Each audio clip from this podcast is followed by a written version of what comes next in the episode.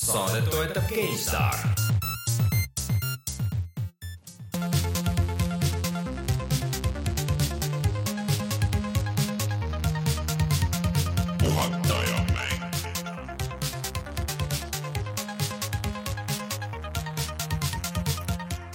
tere tulemast, on kahekümne üheksas detsember aastal kaks tuhat seitseteist ja on aeg puhata ja mängida, mina olen Rainer Peterson, minuga täna siin Rein Soobel. Tere! Martin Mets. ja on aeg võtta kokku aasta kaks tuhat seitseteist, äh, mis aasta lõpuks viimasel hetkel ikka said selle numbri õigesti öeldud, väga enam-vähem, ma pidin järgmised, selle peale mõtlema. järgmised paar nädalat äh, läheb valesti kõik. ma ei tea, ma, mul on pigem nagu ongi kuskil poole, poole aasta pealt äh, tekkis millegipärast see, et ma tahtsin öelda kaks tuhat kaheksateist ja ma kuidagi tundub see kaks tuhat seitseteist tundub nagu nii vana number juba, et, et mul on nagu raske seda öelda miskipärast, ma ei tea, miks nii on.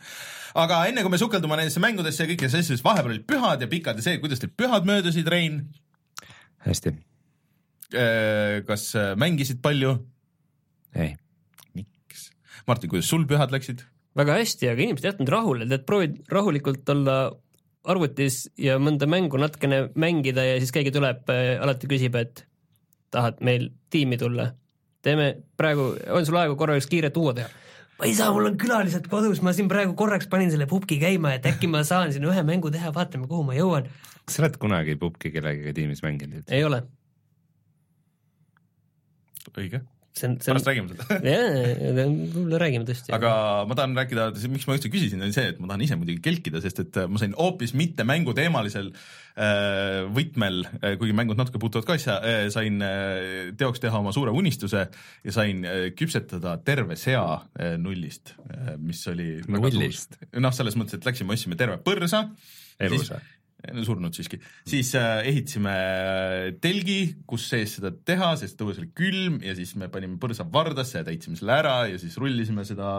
Starve crafting, kõik, kõik koos. crafting, põhimõtteliselt see oli see, ja täpselt siuke samasugune pott oli ka nagu Zeldas. Don't nagu. starve, tee sigadus. jah, ja, ja, ja siis tegime seda ja siis see oli väga tore ja äge, mulle väga meeldis äh,. aga selles mõttes oli pühade ajal huvitav, et olin oma vanema venna juures, kes, kelle üks lastest sai ka Switch'i ja minul oli Switch kaasas ja vennal oli Switch kaasas ja siis meil oli kolm Switchi seal. katusepidu. ja, ja siis põhimõtteliselt oli täpselt see katusepidu ja see situatsioon ja kõik käisid ja mängisid ja tegid ja kõik, kõik. aasta lõpuks leidsid selle õige hetke ja olukorra ülesse, kus see tõesti töötab Ehk nii, nagu Nintendo lubas. Team Peterson nagu selles mm. mõttes, et äh, aga sellest oli väga palju rõõmu nii äh, noortele kui vanadele ja, ja siis ja lauamängu sai mängitud, ehk siis äh, Ticket to Ride'i üle pika aja, mis on väga fun mäng jätkuvalt.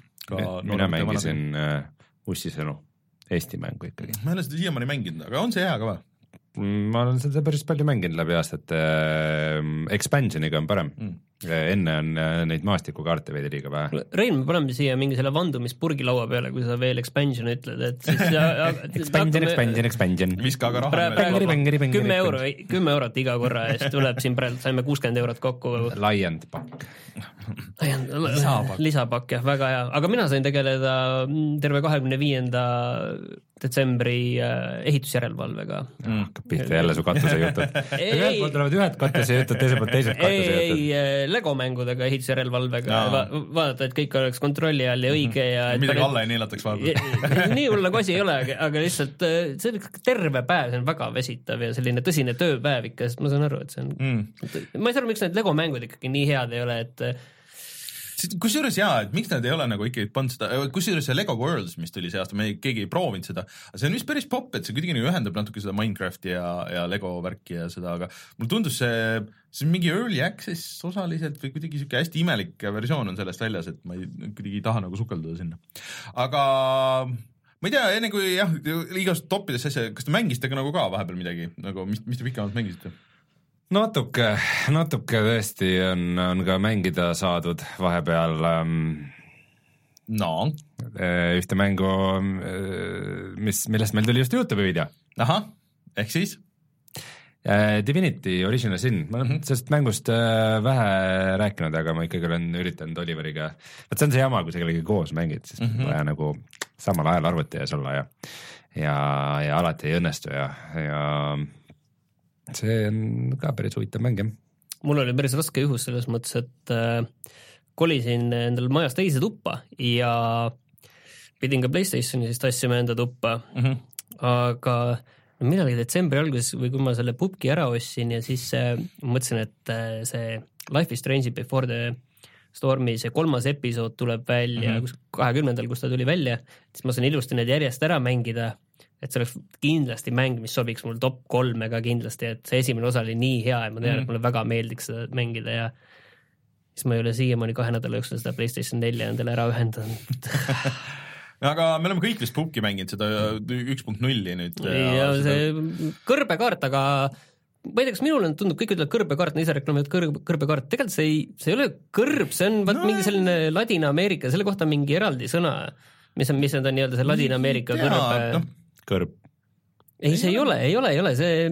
La deserto vot juba hakkab, hakkab minema, see on midagi sellist, et kui sa ütled la deserto, siis tõenäoliselt äh, ma arvan, et kõik teavad ma, ma tean, aga vaata nende jaoks see tähendab teistmoodi, teist tüüpi kõrbe, mitte, mitte seda Sahara. preeria sa mõtled?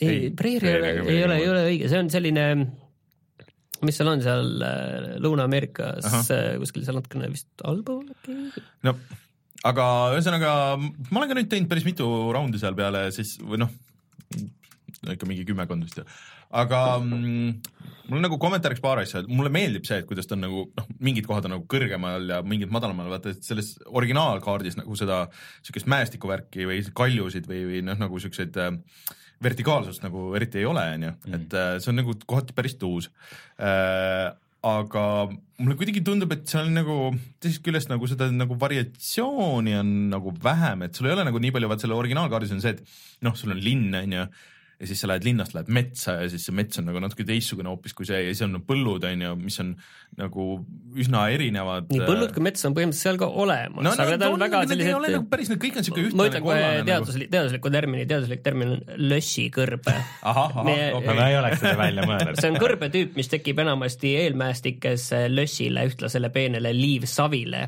mm et, äh, et ma ei, ma ei ole nagu suutnud otsustada, et kas see meeldib mulle või mitte, sest et seal on nagu päris palju seda ka, mis mind seal Fortnite'is häiris, et sul on hästi palju maju, kus ei ole uksi äh, ja, ja ehitisi, et ähm, ja nüüd, kui sa saad muidugi aknast ka sisse minna, et siis see natuke nagu klaasid klirisevad. klaasid klirisevad, aga sul on nagu päris raske nagu, nagu eemalt nagu vaadata, et kas, okei okay,, kas siin on keegi, kas siin ei ole keegi, eks see mõnes mõttes nagu lisab niisugust äh, ähm, põnevust, et sa ei teagi nagu täpselt, mis toimub ja mis ei toimu, aga teisest küljest nagu see võtab nagu nat natuke seda, mis, mis selles originaalkaardis oli nagu äge või mis selle mängu üldse nagu ägedaks tegi minu jaoks nagu natuke tõmbab nagu maha seda või ma ei tea. selle üks suur erinevus, mis, äh, mis mind võib-olla natuke häirib, on see, et ta on lihtsalt, ta on suur ja ta on nagu lagedam.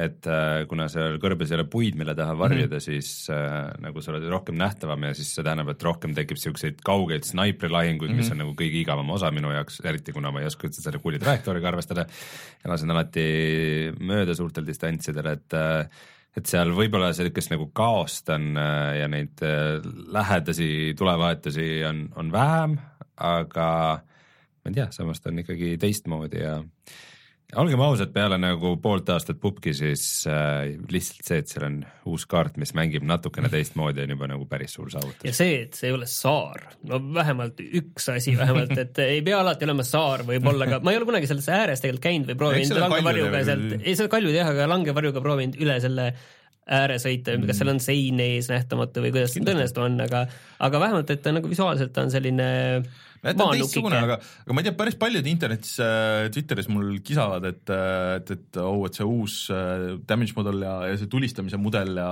ja kõik nagu see, et et, et see on viletsam kui see, mis ta enne oli. ma ei tea, ma nagu ei ole nagu sellest vahest nagu nii palju aru saanud, ma ei ole muidugi nagu nii spetsialist ka sellel, aga. ei tea, ei, ei, ei tajuks küll, et väga midagi teist. aga ta jookseb mul küll paremini, see üks punkt null nüüd, äh, aga ma pidin setting utest maha võtma selle mm, DVR-i ehk siis, et ta kogu aeg nagu salvestab, et ta terved nagu need match'id, äh, terved, terved mängud siis nagu salvestab mm.. ja kui see maha võtta, siis äh, kuidagi hakkas oluliselt paremini jooksma, mingi kümme frame'i nagu viskas parem, paremaks kõik.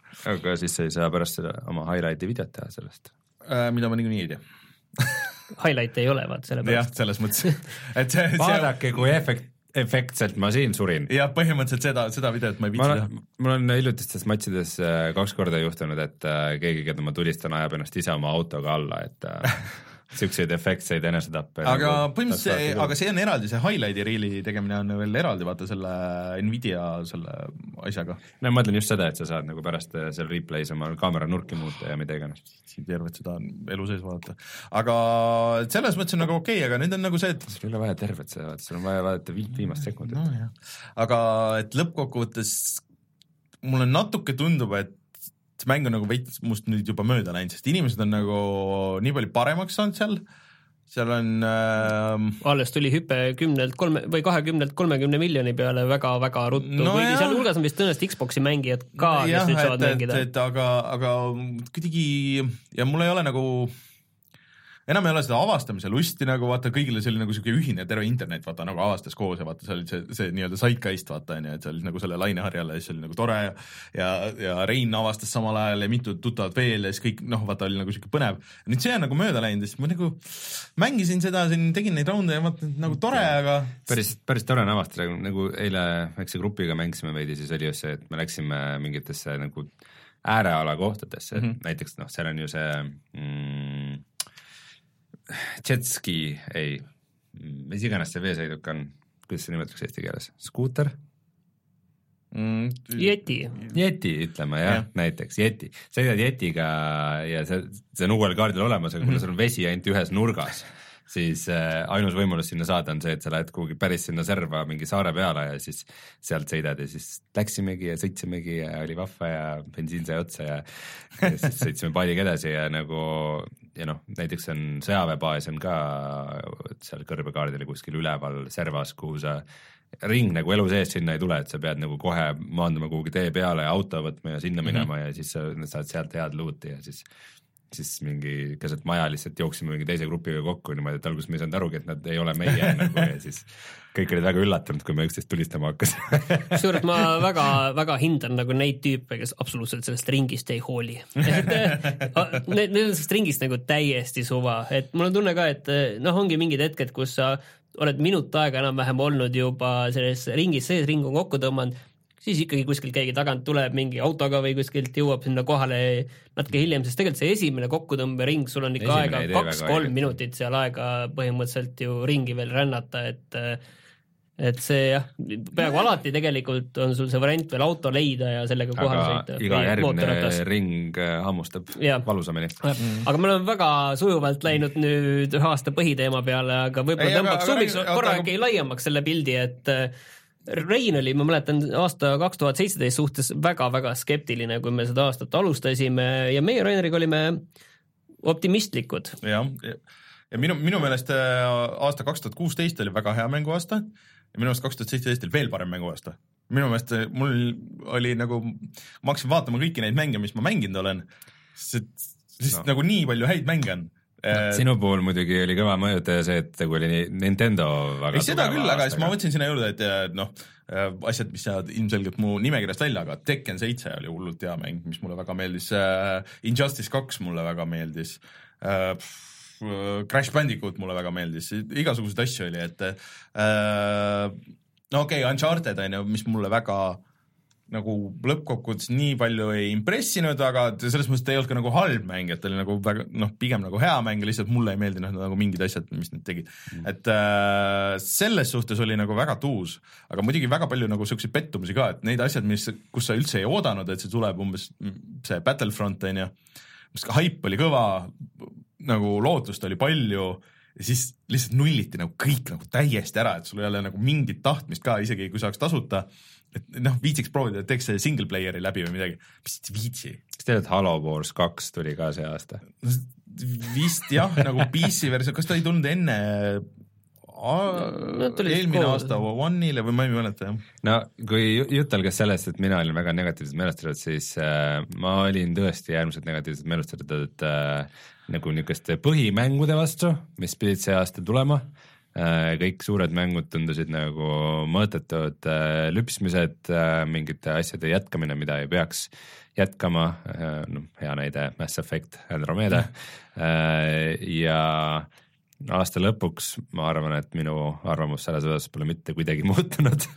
Aga mõtle, kui palju häid mänge tuli see aasta. äh, kõige suure, kõige äh, paremad asjad nagu olid ikkagi need, mis tulid üllatusena, et äh, mis ei tulnud sealt peavoolust, et äh, ma ei tea, mul natuke tundub, et kuidagi aga... Aga- midagi peab muutuma, minu jaoks vist juba mitu aastat on see, et pigem nagu mingid indie-mängud, mis teevad Aga- aga... mis teevad asju nii, nagu nad ise tahavad ja kus inimesed teevad neid mänge, mida nad ise tahavad mängida, et see on see, kust tulevad need asjad, mis aga ma et selles mõttes minu meelest ma vaidleks praegu vastu, et äh, indie-mänge küll tuli, oli ka häid ja ma kujutan ette, et sul on seal üks-kaks on seal ka nimekirjas, aga sa- samas selliseid, mis oleksid nüüd äh, saanud mingi tohutu heakskiidu nagu igalt poolt ja mm. öelda, et see on küll no, tõeline pärl, nagu siin kolm-neli-viis aastat tagasi neid tuli, et no päris Spe- Spelunkid Cuphead võib-olla on eraldi.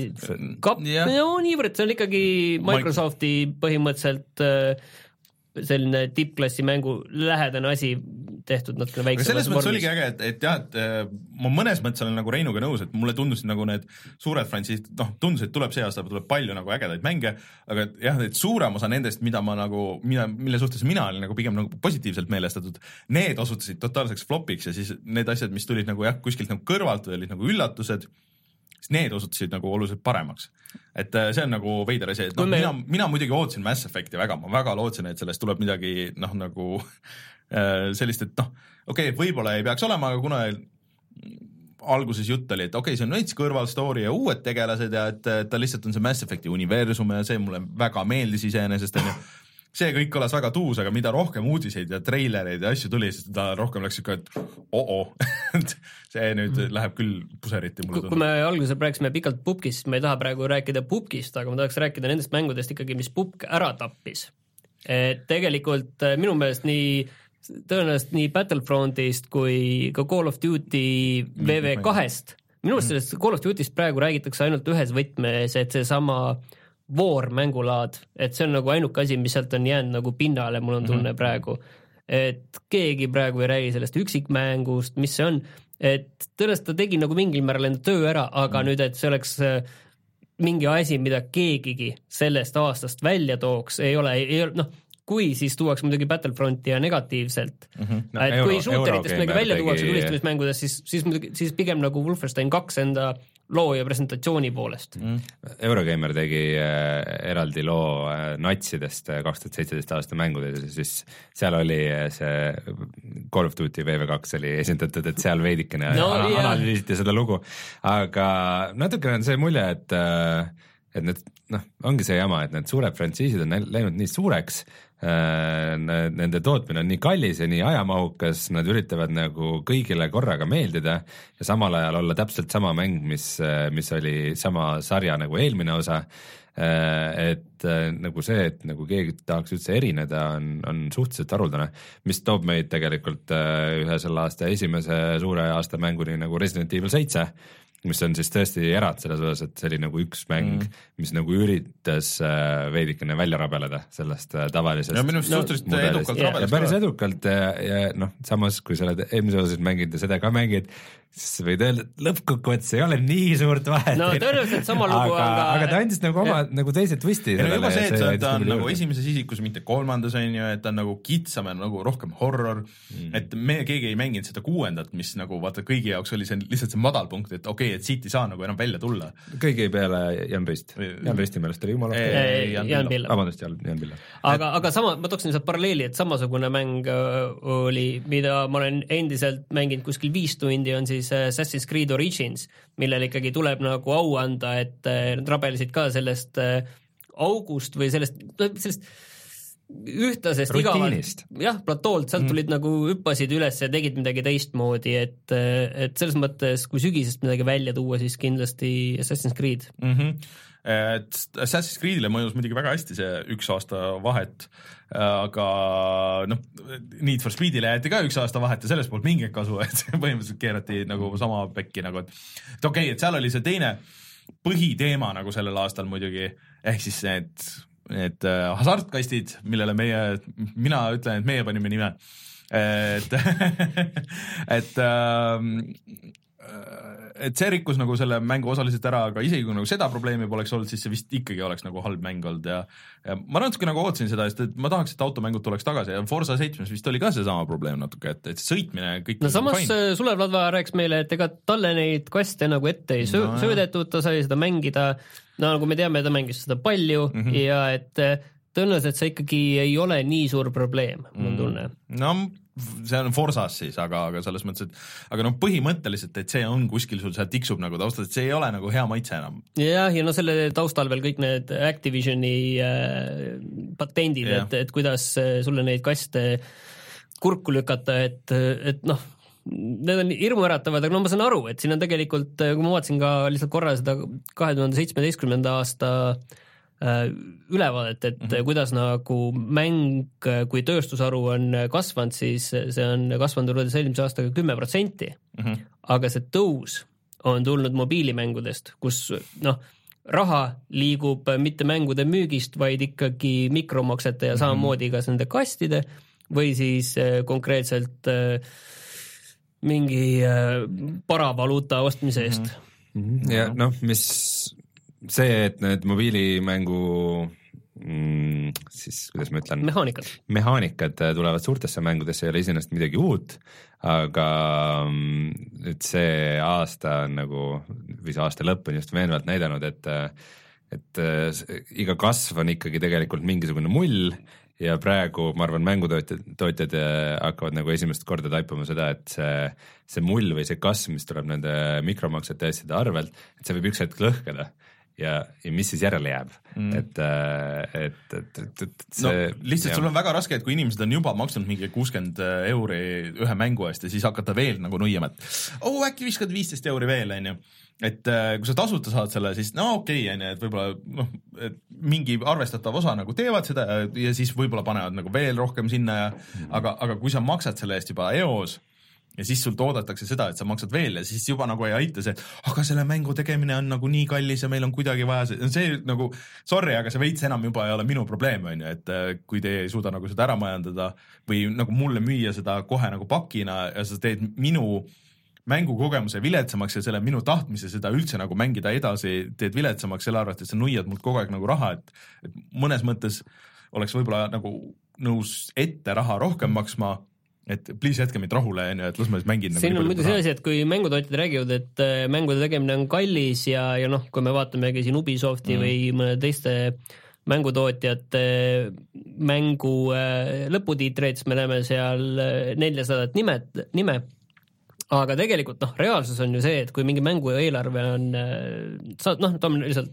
suvalise näite, et sada miljonit äh, äh, dollarit mm, -hmm. siis äh, tegelikult ju paljudel äh, nendel mängudel ligi pool moodustab sellest turundus. et see ei ole see, mis läheb nagu reaalselt mängu tegemiseks mm, -hmm. vaid see on see tehke oma turundust siis lihtsalt targemalt, ma ütleks lihtsalt, et see ei ole mõtet nagu sinna seda peksta, et kokkuvõttes noh, see tuleb kõik meil kinni maksta Jah. mänguostjatel.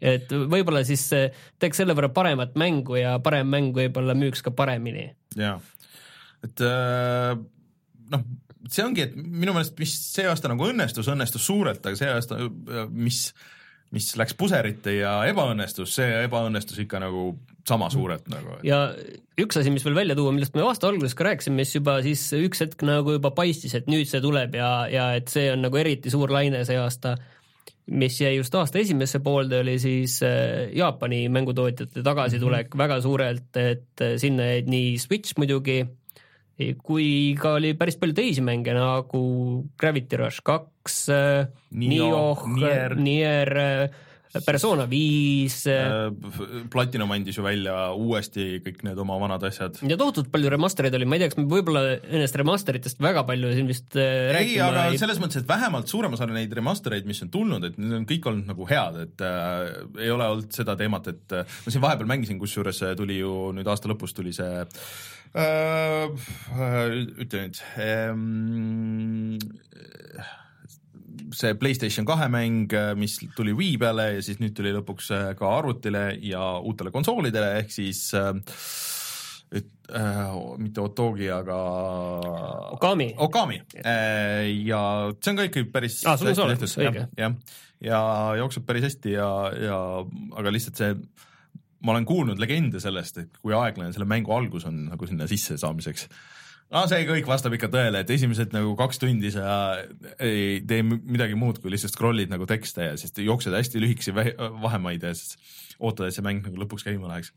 aga, aga selles mõttes, et äh, mina olen nagu selles mõttes nende remasterite poolt, et, et lihtsalt nagu säilitada mängu ja er, eriti veel, et kui nüüd äh, noh, mingid need vanad versioonid on kuidagi nagu tehniliselt jäänud nagu noh, nagu ei, see on alati hea, et kui uuel ja, platvormil ja, saab ja, mängida. jah, et kui sa saad nüüd uuel platvormil mängida kuuskümmend kaadrit sekundis äh, full HD resos või veel kõrgemas resos ja, ja sul on eriti hea, kui veel mingit lisamaterjali sinna sisse visatud, ma olen alati niisuguste asjade poolt, et sa ei pea ju seda ostma, kui sa ei taha, aga see on hea, et see on seal olemas, et kui noh, nagu ajaloolises võtmes keegi tahab mängida, on ju. Et äh, see mõnes mõttes on tuus, et keegi nagu või vähemalt ei meenu praegu, et mingisuguseid väga odavaid lolle remaster'id. no Crash Bandicoot oli see, millega sa ei olnud rahul. no sest, et seal olid mingid vead, aga ta ei olnud ka nagu halb, halb nagu selles mõttes, et ma oleks nagu tahtnud, et see oleks võib-olla mingi rohkem nagu lisamaterjale olnud. no see sama asi on see noh, nii-öelda see remaster'i hinnastamise mm. küsimus, et mul on tunne, et siin paljudele ikkagi müüakse sellist nostalgiat nagu mm. siin äh, aasta lõpupoole ka nende Potaponi, Loco Rocodega mm., mis kõik on väga head mängud, aga, aga lihtsalt noh, samas on nad sellised väiksed mängud, et nagu viisteist, viisteist eurot lihtsalt noh, viisteist eurot ei ole suur raha mängu mm. eest, aga see ei tundu lihtsalt nagu õige. jah, et pigem niisuguse paki eest või midagi niisugust, et sa ostad terve selle paki ja sul on see olemas. nii, Rein, kas sa tahad öelda veel midagi? ma ei tea, kas me, ma võib-olla, võib-olla kas me sellest äh, EA-st peaks nagu ka natuke eraldi no, rääkima või? no EA on selles mõttes, see on nagu selline kastiõnnetus on see ja EA on kindlasti sellises äh, keerulises seisus, aga mis on äh, tõenäoliselt kõige huvitavam, kuhu nad ikkagi lähevad, äh, tõenäoliselt on seesama, mis paar kuud tagasi tuli jutt, et see FIFA kui platvorm -hmm. et, et selline iga-aastane mängude väljaandmine ilmselt lõpeb ära üks hetk. ühe, ühel hetkel lõpeb, et, et tõenäoliselt noh, ta jääb alles, ma arvan, aga, aga selles mõttes sa saad seda plaati osta, mhm. on ju, see plaat on lihtsalt või noh, mingil hetkel digitaalselt, aga see on mhm. lihtsalt see default asi, mille sa laed otsa kogu need äh, paarkümmend giga veel netist juurde, mis teeb sulle selle nii-öelda õigeks mänguks, on ju äh, no aga kõik asjad, mis EA see aasta, vist üks, ühtegi niisugust õnnestunud asja ei olnud peale spordimängude, et kõik kiitsid seda Maddeni story mode'i, aga aga üldiselt äh, et isegi FIFA olla olnud nagu liiga väike upgrade sellel aastal no,. paljud ütlevad, et PES on parem, ma ei julge ise kinnitada ega ümber lükata. seal midagi oli selle pallikontrolli ja asjadega tehtud, et mis nagu natuke rikub seda mängu ja seal on ka need kaardipakid, mida sa saad osta. ma nägin seal väga ägedaid äh, häkke äh, selle uue FIFA kohta, kus sa ja. alati ühtemoodi lahti mängides äh, saad palli niiviisi tsenderdada värava alla mm., et üsna kindlalt tuleb võita, et kui sa ühtemoodi mängid palli lahti. ja Need for Speed oli nagu totaalne läbikukkumine. selle mm. alapealkiri oli siis Payback vist ja. jah, et, et seal oli siis kogu see progressioon oli pandud niiviisi lukku, et mis nõudis samade radade uuesti läbimängimist. või siis, või siis äh, Äh, maksad natuke raha ja ostad seda vidinat äh, või neid vidinaid juurde enda autole, et uuendada yeah. oma autot, aga sa said ühendada uut, ühte autot nagu korraga. ühesõnaga, need on asjad, mida ükski mõistlik inimene ei peaks mitte kunagi tegema.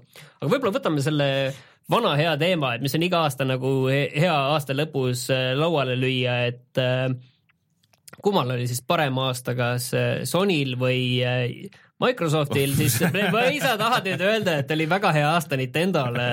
ei, see, see on eraldi teema see läheb kõigist mööda, aga selles mõttes, et, et Microsoftil oli ikka eriti puine aasta, et okei okay,, et X tuli, aga naljakas on see, et ma hakkasin just mõtlema, et enne jõule siin tuli X ja kõik see, aga see ei teinud nagu seda splash'i nagu, mis oleks võinud arvata, et et isegi need mängud, mis jooksevad paremini ei jookse nagu nii palju paremini, et okei okay,, et võib-olla inimestel ei ole nagu aega olnud. aga samas juttude järgi see müüs täiesti nagu normaalselt okay., et eh, palju kuskilt noh, PS4 Pro kohta, mis tuli mm siis äh, eelmisel aastal umbes samal ajal, et selle kohta ei äh, ei äh,, oli nagu palju rohkem sellist tagasisidet mm -hmm. ja, ja arutlust, aga selle kohta pole öeldud täpselt müüginumbreid, aga öeldakse, et Xbox One X on paremini müünud, aga mul on nagu endal teooria, et lihtsalt see nii-öelda idee sellest, et sa keset konsooli põlvkonda äh, teed sellise uuenduse, et kõik need arutelud said nagu siis nagu ära räägitud mm, -hmm. et see kokkuvõttes nagu õigustas ennast, samas ka mm -hmm. midagi nagu katki ei teinud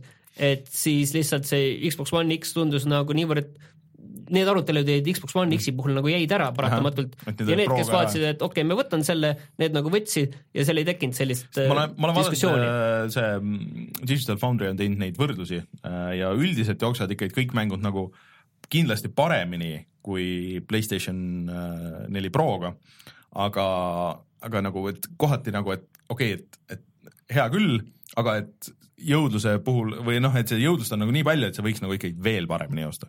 Ja Pupp tuli ka välja äh,, siis ei jookse väga hästi. ei jookse väga hästi. aga no see ei ole, see ei ole jälle tõenäoliselt Xbox One X-i süü, sellepärast et tõenäoliselt No see, mis selle pubgi pubgi kõhus toimub, see on tõenäoliselt asi, mida tuleb lahti harutada arendajatel veel tükk aega, et äh, aga samas see on ikkagi Unreal Engine'i mäng ja Unreali mängud muidu peaks ikkagi töötama suht out of the box nagu hästi ju. ei tea midagi ma arvan, et see selles mõttes, et Fortnite jookseb ka arvutil väga hästi võrreldes PUBG-ga, et äh, kuigi see on ka Unreali seal ei ole tekstuuregi. no rohkem minu meelest kui graafika. seal ei ole loodust äh, põhimõtteliselt äh, et, et äh, täna kükitasin ühes põõsas, sind on igalt poolt näha, üks asi on hea, et vaata, praegu on äh, mingi jõuluuuendus tulnud ja siis põõsastel on jõulutuled küljes mm.. ja siis sinna on nagu selle võrra parem ennast peita, kuna need tuled aitavad Maskeerida. jah, maskeerida ja segada vastaseid lihtsalt, et kuna seal ongi, helendab kõik seal üm, põõsa ümber, siis lihtsalt sind on niivõrd palju raskem näha natuke kaugemalt. Äh, aga me oleme vist selles nagu ühel nõul, et äh, Sonyl oli mängude poolest muidugi. oluliselt parem aasta, kuigi mitte kaugeltki ideaalne. ei noh, seda küll, aga, aga Horizon Zero Dawn. Uncharted'i lisa, mingid Jaapani asjad nagu näiteks- Niohid Nioh, ja samas oli ka Resident Evil seitse oli mm. Playstationi äh, konsooli eksklusiiv. pluss PSVR, mis äh, Microsoftil ikka pole oma konsooli VR-i. Grand Turismo sport aasta lõpus, et aga samas mul on tunne, et seda Sony neid eksklusiive ja kõike nagu iseloomustab selline hea keskpärasus mm. -hmm. et need on nagu Horizon Zero Dawn mulle väga meeldis, et aga see oli, see oli niivõrd nagu mingit pidi nagu niivõrd tuttav, et mm -hmm. avatud maailma mäng, ägedad robotid, robotdinosaurused, täitsa normaalne lugu, aga kuidagi nagu see lisapakk on mul siiani pooleli, et, et seal on nagu midagi nagu puudu, sama asi on nagu Uncharted selle Unchartedi lisaga The Lost Legacy mm., et see on kuidagi nagu kõik Aga oli nagu, ei ei, ei, ei nagu,, see, aga- ma isegi ütleks halb ei ole, minu meelest pigem nagu kõik oli väga tore, aga ta nagu ei lähe üle selle lati mm. -hmm. et ta kuidagi nagu jäävad sinna, sama asi Grand Turismo spordiga. mõlemad olid graafiliselt nagu päris kõvad, just Playstationi sihuke showcase või noh, nagu sihuke mm. näis, et näe, vaat mis me saame teha, aga, aga siis kogu see ülejäänud mäng nagu seal ümberringi, sihuke nii ja naa, et see tulistamine just oli see kõige viletsam osa, mida ma ei viitsinud nagu teha, et eriti Horizonisse, mis ma mõtlesin, et okei okay,, et ma teen mingi hetk teen Zelda läbi ja siis ma võtan selle Horizoni uuesti ette. ma ei viitsi küll nagu, et see on nagu suur avatud maailm, kus sa ei saa ronida igale poole kus sul on nähtamatud seinad ees, kus äh, noh, noh, need siuksed e ei taha öelda eelmise generatsiooni, aga viimase kolme aasta avatud maailma mängude probleemid, et äh, et nagu kuidagi nagu ei, ma ei tea, ei no tõmba veits sama lugu on ka, oli siis äh, Ubisofti Ghost Recon Wildlandsiga, et, et jällegi hea, hea keskpärasus, jällegi ta aga läheb sinna ma ei tea, kas sa oled jälginud, sellele on nüüd tulnud nii palju tean. update'e äh, ja mis vist lisavad neid mängumoode ja on parandanud aga, neid asju aga samas mul on tunne, et siiani praegugi ikkagi Rainbow äh, Six äh, Siege ja isegi kohati vist For Honor on isegi mm. populaarsemad praegu kui Wildlands. jah, Uh, For Honor küll mitte Ei ole, minu kindel? meelest For Honor on ikka mülkas omadega. Ei tuli season suur neli tuli vist ju natuke aega isegi tagasi. The Divisionile tuli suur update, mis on väga veider, et Ubisoft nagu äh, päris hästi toetab vähemalt oma neid vanu asju, et, et see on nagu põnevam. nojah, nad on selle mudeli vist veidikene paremini paika saanud, et, et ei ole, et mäng tuleb välja ja siis unustame ära, et nad nagu toetavad edasi. aga mina saan küll just aru jah, et For Honor ja Division on need, mida keegi väga enam mängida ei taha, aga Rainbow Six Siege on vist ähm, Steamis seal pidevalt kuskil top kümnes mm. -hmm. nii, tänasel päeval on siis For Honoril olnud äh, Steamis kolm tuhat kolmsada mängijat ja Wildlands on äh, seitse tuhat kaheksasada, jah, selles mõttes oli õigus. ja palju on võrdluseks Rainbow Six Siege'il? see on tõenäoliselt oluliselt kõrgemal. See maksab muide praegu ainult kaheksa, üheksakümmend üheksa. Äh, Steam'i talve väljamüük toimub, kui mm. -hmm. keegi ei tea. noh, siin ei varjavad oma infot või? see on, anyway, see on kindlalt oluliselt kõrgem, et äh, siin nagu selles ah,, üheksakümmend kaks tuhat.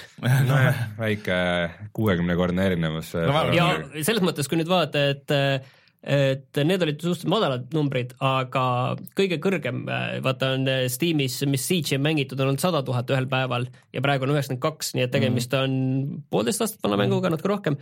et äh, mis on oma populaarsuse tipul see on praegu põhimõtteliselt populaarsuse tipul. Vähemalt äh, ei ole selle Lawbreakersi level. äh, see, see on üks jah, üks mäng, millest peaks eraldi natuke rääkima. aga äh, tegelikult Ubisoft andis ju välja ka uue South Park'i mängu, mis, mida keegi meist, kes kõik mängisid seda eelmist South Park'i, keegi ei ole vist viitsinud mängida. hoolimata sellest, et mul oli isegi South Park Stick of Truth aasta mäng paar aastat tagasi see vist ka räägitakse ka, et see on nagu keskpärane. ta on vist hea keskpärasus on jällegi see, mis siin nagu kuidagi ongi see, et mind ei tõmba absoluutselt hea keskpärasus, no ma kõige vähem üldse ei jaksan oma aega raisata hea keskpärasuse peale. ma arvan, et äh, mingi ma ei tea, nagu see Shadow of War on ka ilmselt suht okei okay,, aga no lihtsalt mitte miski ei tõmba mind selle poole. no paljud on öelnud neile jälle, et neile täitsa meeldib see Shadow of War ja see no täitsa on jah nauditav see, et seal on sedasama mängu lihtsalt nagu nii palju rohkem ja seal pidi olema see probleem ka, et kui sa jooksed sellesse, selles avatud maailmas, siis iga natukese aja tagant sa komistad jälle mingi orki pealiku otsa ja siis on jälle võitled ja et see mäng ongi selle peale üles ehitatud. ei nojah, aga enne sa pidid nagu natuke vaeva nägema, vaat see iga see kohtumine oli nagu eriline veits onju, et, et, et see ei olnud niimoodi, et jooksed ja siis kohe nagu on keegi onju. et, äh, et võtab nagu natuke seda võlu ära sellelt kogu asjalt. et ma sellepärast nagu ei viitsi pluss on see, et vist pidi olema, et kui sa päris nagu selle lõppu tahad, et see on mingi seitsekümmend tundi pikk nagu ma kohe kindlasti ei viitsi teha. kusjuures, et kui korra rääkida veel sellest äh, PlayStation nelja ja Xbox'i äh, suhtes, siis äh, äh, VGCharts.com'i andmetel äh, kohe-kohe muutub äh, PlayStation neli äh, kaheksanda konsooli generatsiooni kõige popula-, kõige enam-müüdavaks konsooliks mm., et ta napilt veel jääb Nintendo 3DS-ile alla mm, -hmm. aga siin vahe on alla miljoni no arvestades, et 3DS vist varsti lõpetatakse, ega jutt on tootmine võib-olla no 2DS tuli välja, mul on 2DS mm. olemas ja selles mõttes oli konsoolide koha pealt üldsegi murrang, murranguline aasta meile Reinuga, et kes me kumbki ostsime see aasta või saime äh, kaks äh,, saime ja ostsime, on äh, faktiliselt õige kaks Nintendo konsooli mm -hmm. ja tegime seal isegi mänge läbi mm, -hmm. et mina siis SNES Mini ja Nintendo 2DS-i ja Rein siis NES Mini ja Switchi. mm. jah ja mul on nii SNES Mini no sinul on kõik, me teame, et sul on kõik olemas, sul on 3DS-ist ka mitu versiooni kodus. neli no näed aga sellepärast, sellepärast no, kellelgi ei ole nelja PlayStation selles nelja. mõttes, et äh, Nintendo tegi ikka nagu veits uskumatu aasta minu meelest, et äh, et okei okay,, kõigil nendel asjadel on mingid veidrused, omad veidrused juures, aga kõik müüsid fenomenaalselt hästi äh,, kõik töötasid tegelikult täpselt nii, nagu nad pidid ja lisaks sellele tuli Nintendole endal mänge ja tuli kolmandate isikute mänge ja ma ei tea, ma ei ole nüüd jälginud, et kuidas neil jõuludega on läinud, aga vist see, et alguses nad plaanisid müüa aasta jooksul mingi, ma ei tea, kas see oli mingi kuus miljonit või, siis nad tõstsid selle kümne miljoni peale ja siis lõpuks kaheteist miljoni peale, ma ei tea, kas nad nüüd ületasid selle või see ületanud. VG Charts näitab praegu kaheksa koma üheksa, aga see on umbes äh, üle kuuajane viivit-, viivitus on siin sees, et kus jäävad kõik jõulud ja need jäävad sisse Mingi- et ta võib kümme miljonit võib ära tulla. mingi uudis oli just, et äh, Switchi müük ületas PS kahe esimese aasta müügi. no see on ikka päris kõva, sest et PS2 oli ikka väga oodatud. alguses, alguses mitte, et PS4 ületas ka Ei, alguses PS2, PS2. ei PS2 müügi alguses mm., aga PS2 läks natuke hiljem, läks ka see jooksma see asi mm, -hmm. see neil, see müük. et, äh, et jah, selles mõttes oli, kuigi tuli välja ka uus äh, Xbox'i konsool ja kõik see, siis, siis ikkagi nagu suutis Nintendo littida seal. Äh, paljude südames on siis äh, Rein jätnud jälje The Long Darkiga, et sellel tuli ka nüüd see aasta see õige versioon välja, valmis versioon koos looga ja Reinul oli sellest ükskõik. mul ei olnud sellest päris ükskõik, aga kui, kuni sa seda mainisid, siis mul ei tulnud meeldegi, et võiks millalgi kiigata, kas need ülejäänud episoodid on ka väljas aa, see tuli sest et ta episoodidega. on episoodiline ja et see üksikosa tuli välja, tähendas õige, seda, sa mängisid seda ja mul, tuleb meelde, et see oli vist Jaa. mingi jupp tuli sellest välja ja Äh. jätkub hiljem ja tõenäoliselt nad on tulnud. jaa, aga mina, mina selle peale küll kohe uurin välja, kas need teised episoodid on tulnud või ei Mm. mm., sest oli vist, et sellel on mingi üksikkampaanial on mingi, mingi viis episoodi ja välja tuli kas üks või kaks äkki alguses või, ei vist ikka ainult üks. aga põhimõtteliselt oli huvitav. Mm,, aga päris nii pikali ei kukkunud, kui, kui selle sandbox mode'i peale. Rääkides veel eh, heast keskpärasusest, siis tõenäoliselt sinna läheb ka eh, kui see hea eest ära võtta, siis lähevad kõik Deltali kraam, mis see aasta välja tuli, et eh, kui võib-olla Breton isegi ei mäletaks, aga mitu osa Walking Deadi sellest eh, kolmandast hooajast tuli see aasta välja ja see jättis ikkagi kahjuks nii külmaks, et no ja Batmani kogu- terve teine kogu- hooaeg. ja Minecraftid ja- siis see Guardians Guardians of the Galaxy. et selles mõttes on ka Deltali jaoks tõenäoliselt murranguline aasta, et nad said ka ise aru, et midagi tuleb nüüd muuta ja nad tõenäoliselt siis teevad seda, et saame näha. jah. Ja siis, mis meil veel oli eh, selle aasta kohta? no Rein peab kindlasti siis ütlema, tegema nüüd esitama aruande, et. Kuidas selle VR-iga siis mis siis oli jah? kuidas selle VR-iga siis ma, on? ma ütlen, ma pakkusin sulle välja nagu sellise algpunkti, et, et VR nagu mingit läbilööki see aasta ei teinud, aga nii palju, kui ma sinu jutust olen aru saanud, siis selle sisu kvaliteet on oluliselt tõusnud. no kasutatakse praegu sellist terminit nagu winter of VR ehk siis, et eh, virtuaalreaalsusel on eh, praegu selline talveperiood ja aga peale seda tuleb kevad ja siis, siis, siis on linnukesed ja ojad vulisevad ja kõik läheb tööle. seda need arendajad räägivad ja rahastajatele tõenäoliselt on see jutt. isiklikust vaatepunktist ma võin öelda seda, et viimased pool aastat olen mina tööalaselt tegelenud ainult virtuaalreaalsusega hommikust õhtuni, nii et äh, nii et äh, võib küll öelda, et nii mõndagi toimub virtuaalreaalsuse maailmas, isegi Eestis äh, noh, rääkimata siin ju näiteks äh, Skyfront VR-ist, Eesti VR-mängust ja teistest. aga mm, see aasta on tulnud päris mitmeid huvitavaid mänge mm,. sest et tegelikult ju äh, Oculus Touchid tulid ka alles aasta tagasi välja, nad tulid kaks tuhat, see kaks tuhat kuusteist aasta Detsembris. detsembris, mis tähendab, et alles aasta alguses läks tööle see rong, mis oli seal Superhotid ja Arizona Sunshine'id ja asjad, aasta jooksul tuli siis näiteks äh, Wilson's Heart äh,, Lone Echo ähm,, siis ähm, Doom VR. äh, mis, oota, miks mul läks? Resident Evil seitse või? Resident Evil seitse tuli ainult PSVR-i peale, aga see oli ka selle aasta alguses, aga äh, noh, tulid siuksed nagu väiksed oodatud mängud, mingid mängud on, mis on nagu kasvanud täitsa orgaaniliselt niimoodi Steamis, et keegi üks mees on teinud ja järjest võtab hoogu ja hoogu, nagu näiteks Onward, mis on äh, sihuke sõjamäng, mis on põhimõtteliselt saanud nagu kontrolli mõttes täiesti nagu virtuaalreaalsuse standardiks. ja siis aasta lõpus hakkasid tulema need, need ka portid ehk siis äh, ähm, Skyrim VR Playstation VR-i peale, Doom äh, mõlemale ja siis nüüd ka äh, Fallout neli ja LA Noir äh,, mis äh, Eleonori videod on väga head. see üks video on, on fantastiline, aga muidu võiks öelda, et kui seda ei oleks, siis oleks küll natukene kuskil radari alt läbi läinud, et see selle Noir, et sellest räägitakse vähe, kuigi seda kiidetakse. ja ma ei ole vist saates jõudnudki rääkida, et ma Fallout äh, VR-iga jändasin ka päris kõvasti ja noh, intro tegin läbi, aga üldjoontes see Oculus'e peal juhtimine ja performance oli ikkagi, olid liiga halvad, et, et praegu ma ootan kõiki neid moode ja patch'e ja mis sealt tuleb, et sa Skyrimi oled proovinud?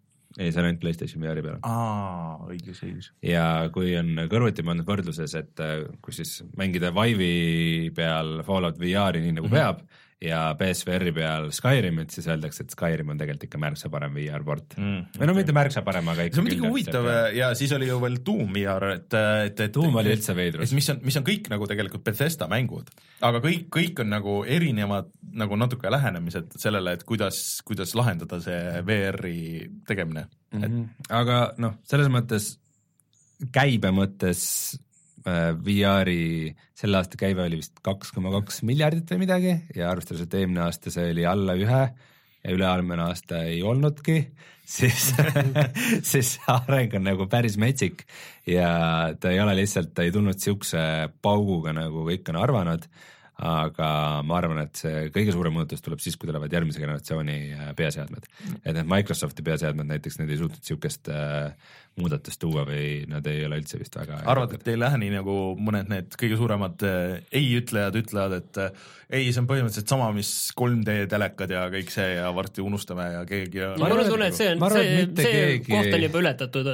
see, see koht on ületatud ja, ja, ja see üldine nali on see, et et see, kui keegi teeb 3D telekate võrdluse, siis alati tuleb nagu kuidagi jutu käigus välja, et siis see inimene ei ole VR-i proovinud no.. et äh, see, need, kes võrdlevad VR-i ja, ja 3D telekaid, ei ole kunagi proovinud yeah. virtuaalreaalsust, et, et kui sa korra proovid, siis sa saad ikkagi nagu erinevusest aru mm. -hmm. aga mm, kuivõrd ta nagu mänge mõjutab, seda ütleme, et saab näha, aga mul on tunne ikkagi, et hoolimata sellest, et VR ei ole enam nii uus asi, et need TK2-d ja asjad, need olid juba mitu aastat tagasi, tiirlesid ringi ja kõik proovisid mm. asju ja katsetasid ja tehti juba igast kihvte asju ja ja see, et nagu praegu nagu tipptase on see, et oo oh,, et võtame mingi Fallout nelja ja paneme selle VR-i ja see ka noh, kohati tuleb välja, kohati mitte, sest me ei tulnud selle peale, et nagu mingi sihikutest võiks läbi vaadata või kahe käega saaks relva hoida.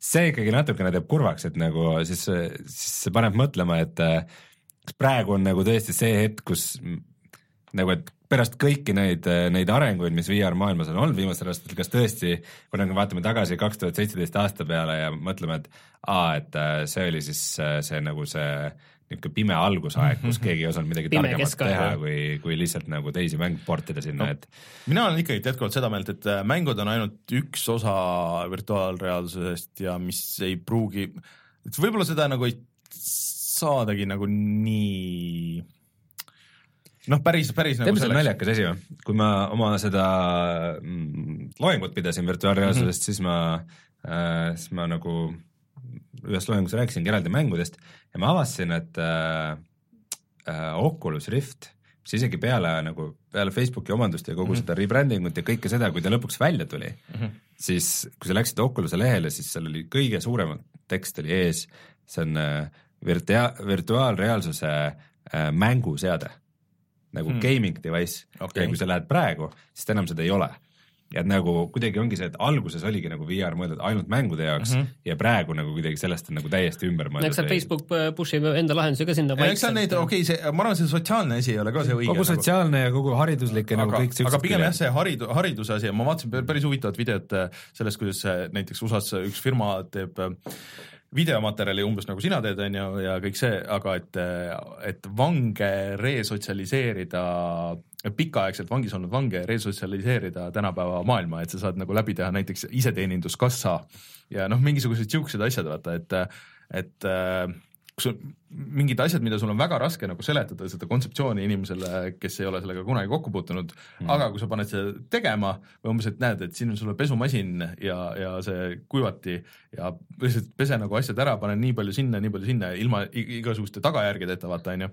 et sa saad äh, proovida ja testida asju, et see on nagu see asi, kuhu see nagu võib-olla läheb, et ta on nagu sihuke äh, koolitustööriist ja nii edasi. pluss siis nüüd edasi, mis siin jätkuvalt on tulemas, need Microsofti need äh, nagu liitreaalsuse asjad on ju, et, et äh, sõidad autoga ja sul on need prillid ees või noh, okei okay,, võib-olla auto on nagu liiga ekstreemne, aga ütleme, et paned arvutid kokku, sul on need ees, sa enne skännid korra ära, vaatad, mis emaplaat see on näed seda virtuaalset hologrammi nagu sellest, et näed, et okei okay,, et siin on su see protsessor, näed, see pane siia. see on nüüd ikkagi HoloLens, millest sa räägid, mis on no HoloLens või noh, nagu selles mõttes, et noh, ideaalis, et see on midagi niisugust, mis äh, ma arvan, et on, see on kasulik, praktilisem väärtus on nagu seal sellest... ja mängud ja neid, et võib-olla, võib-olla nagu neid mänge kui sellist võib-olla ei olegi nagu see ei olegi nagu kõige primaarne, kindlasti sealt tuleb mingisuguseid ägedaid asju ka -hmm. aga noh. ma arvan, et nad ikkagi lähevad järjest rohkem laiali, selles mõttes, et sul võib olla lõpuks seade, mis suudab teha mõlemat, aga augmenteeritud reaalsus mm -hmm. on kindlasti see, millest sul nagu igapäevaelus on palju rohkem kasu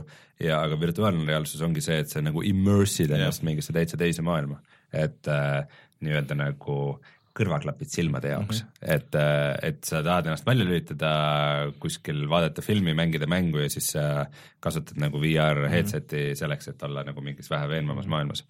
aga, aga noh, see kõik võib-olla jah, praegu ei puutu nii palju mängudesse, aga aga selle aasta lõikes äh, ma võin öelda, et nagu, et on ikkagi päris kihvte mänge tulnud no ma jätkuvalt soovitan teil ka proovida, näiteks mulle tundub, et Martin peaks ikkagi Wilson's Heart'i millalgi, millalgi mängima. too mulle oma asjad, siis ma vaatan. et, et nagu noh, virtuaalreaalsus, miks ta ikkagi mulle meeldib, on see, et, et VR-mänge mängides ma tunnen, et see on praegu see koht, kus nagu neid piire nagu nihutatakse mm, -hmm. et tehakse nagu uusi asju ja pannakse vahepeal ka puusse, aga nagu katsetatakse mingisuguseid asju, mida nagu muidu ei ole tehtud ja, ja noh, see on see, mis mulle alati on nagu mängude juures meeldinud, mitte see, et ma nagu mängin Call of Duty't viiekümnendat korda nagu sama mängu uuesti lihtsalt.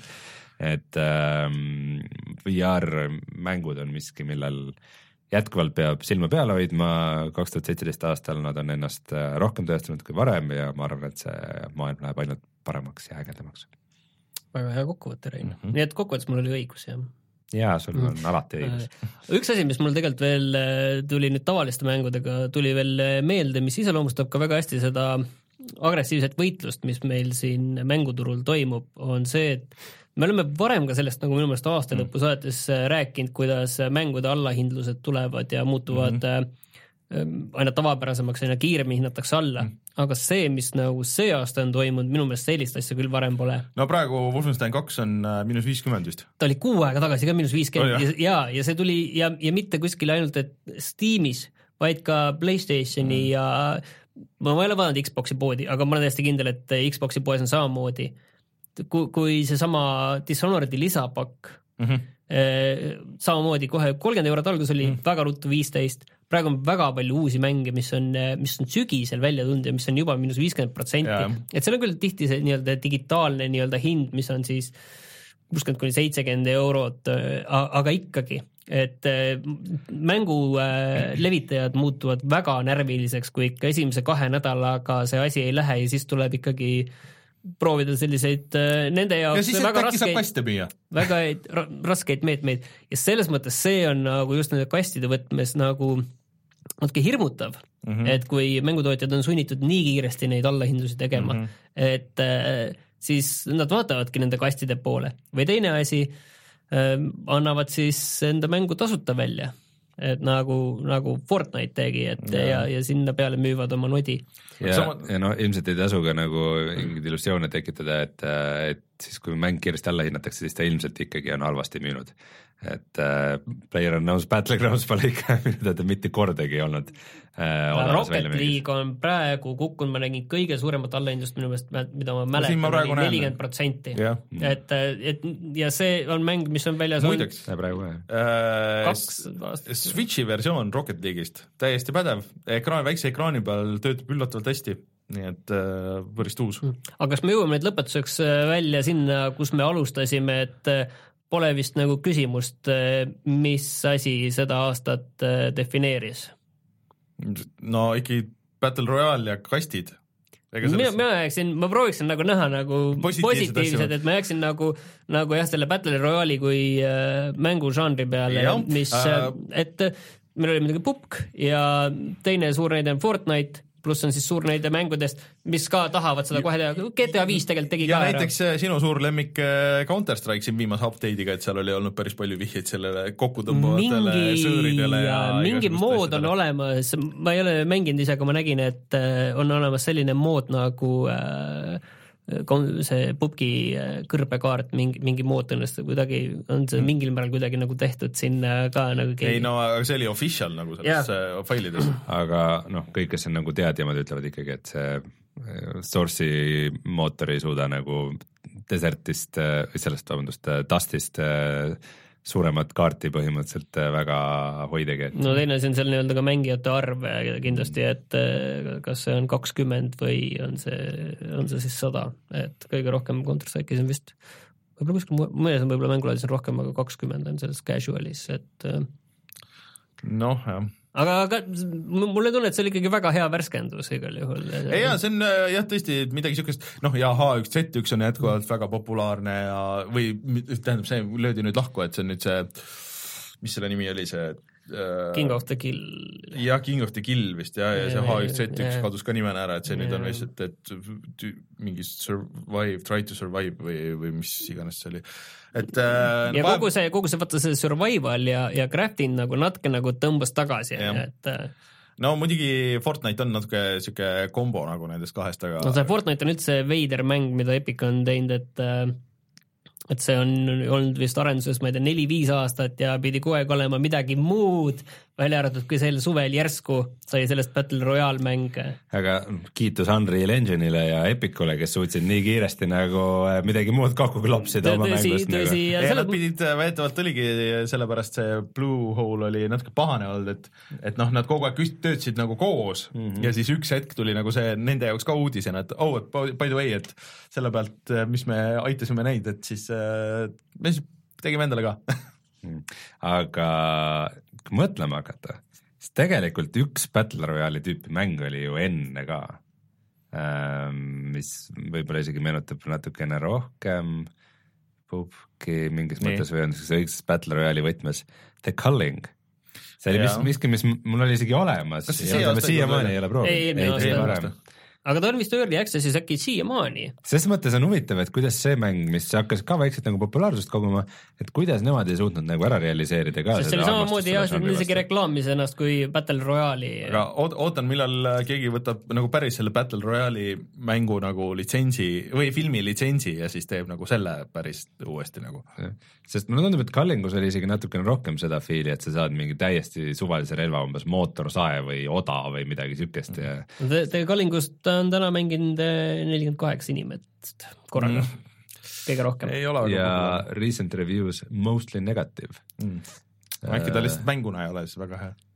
ma ei tea. samas ta on vist pool miljonit, pool miljonit on müünud. igatahes tundub, et nad on oma, oma šansi maha maganud. aga selles mõttes on nagu veider, kuidas see, kuidas see efekt tekib, et praegu, kui sa lähed äh, pubki mängima, siis igal juhul noh, alla minuti äh, sa, sa ei pea üle minuti ootama, sama asi on Fortnite'is, sa ei pea üle, üle minuti ootama, sa oled mina pidin nelikümmend viis minutit ootama, kui ma üritasin. võib-olla arvuti peal mängitakse, ma arvan, seda oluliselt vähem kui konsoolide peal. Fortnite'i või?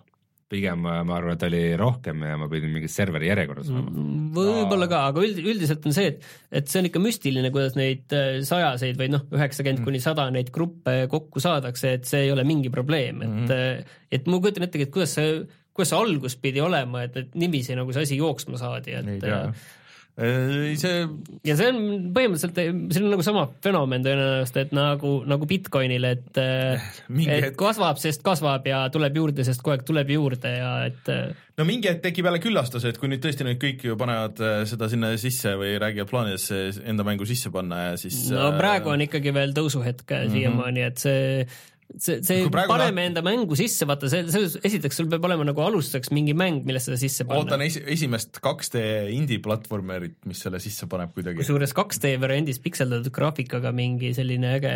no siuke pealt siuke komandose stiilis. no see on pigem selline Enter the Gungeon oli selline mäng, mingi mm. selline mm., kus on hästi palju erinevaid relvi ja. kusjuures see võiks päris tuus olla. Nuclear Throne näiteks sellena, et see, see nagu töötaks, kas samamoodi on relvad suur kaart. sihuke armutu ja kiire võitlus. jah, ja pubgi juures, mis mulle meeldib, see, et nad pole sisse pannud sellist hakkame tegema, lõikame välja, hakkame tegema. jah, toorest, toorest äh, craft imist nad pole sisse pannud. et jah, et sul on äh, relvade modifitseerimine no, ja sellega see suht piirdub. sul ei ole sellist tobedust, nagu on Fortnite'is see Mm. ehitamise rudiment, mis on jäänud sisse tõenäoliselt sellest Fortnite'i põhimängust, mida keegi, kaasa arvatud mina, ei ole isegi mitte tahtnud proovida, et mm. kuigi see on esimene valik seal menüüs, sa alati klõpsid selle teise peale mm..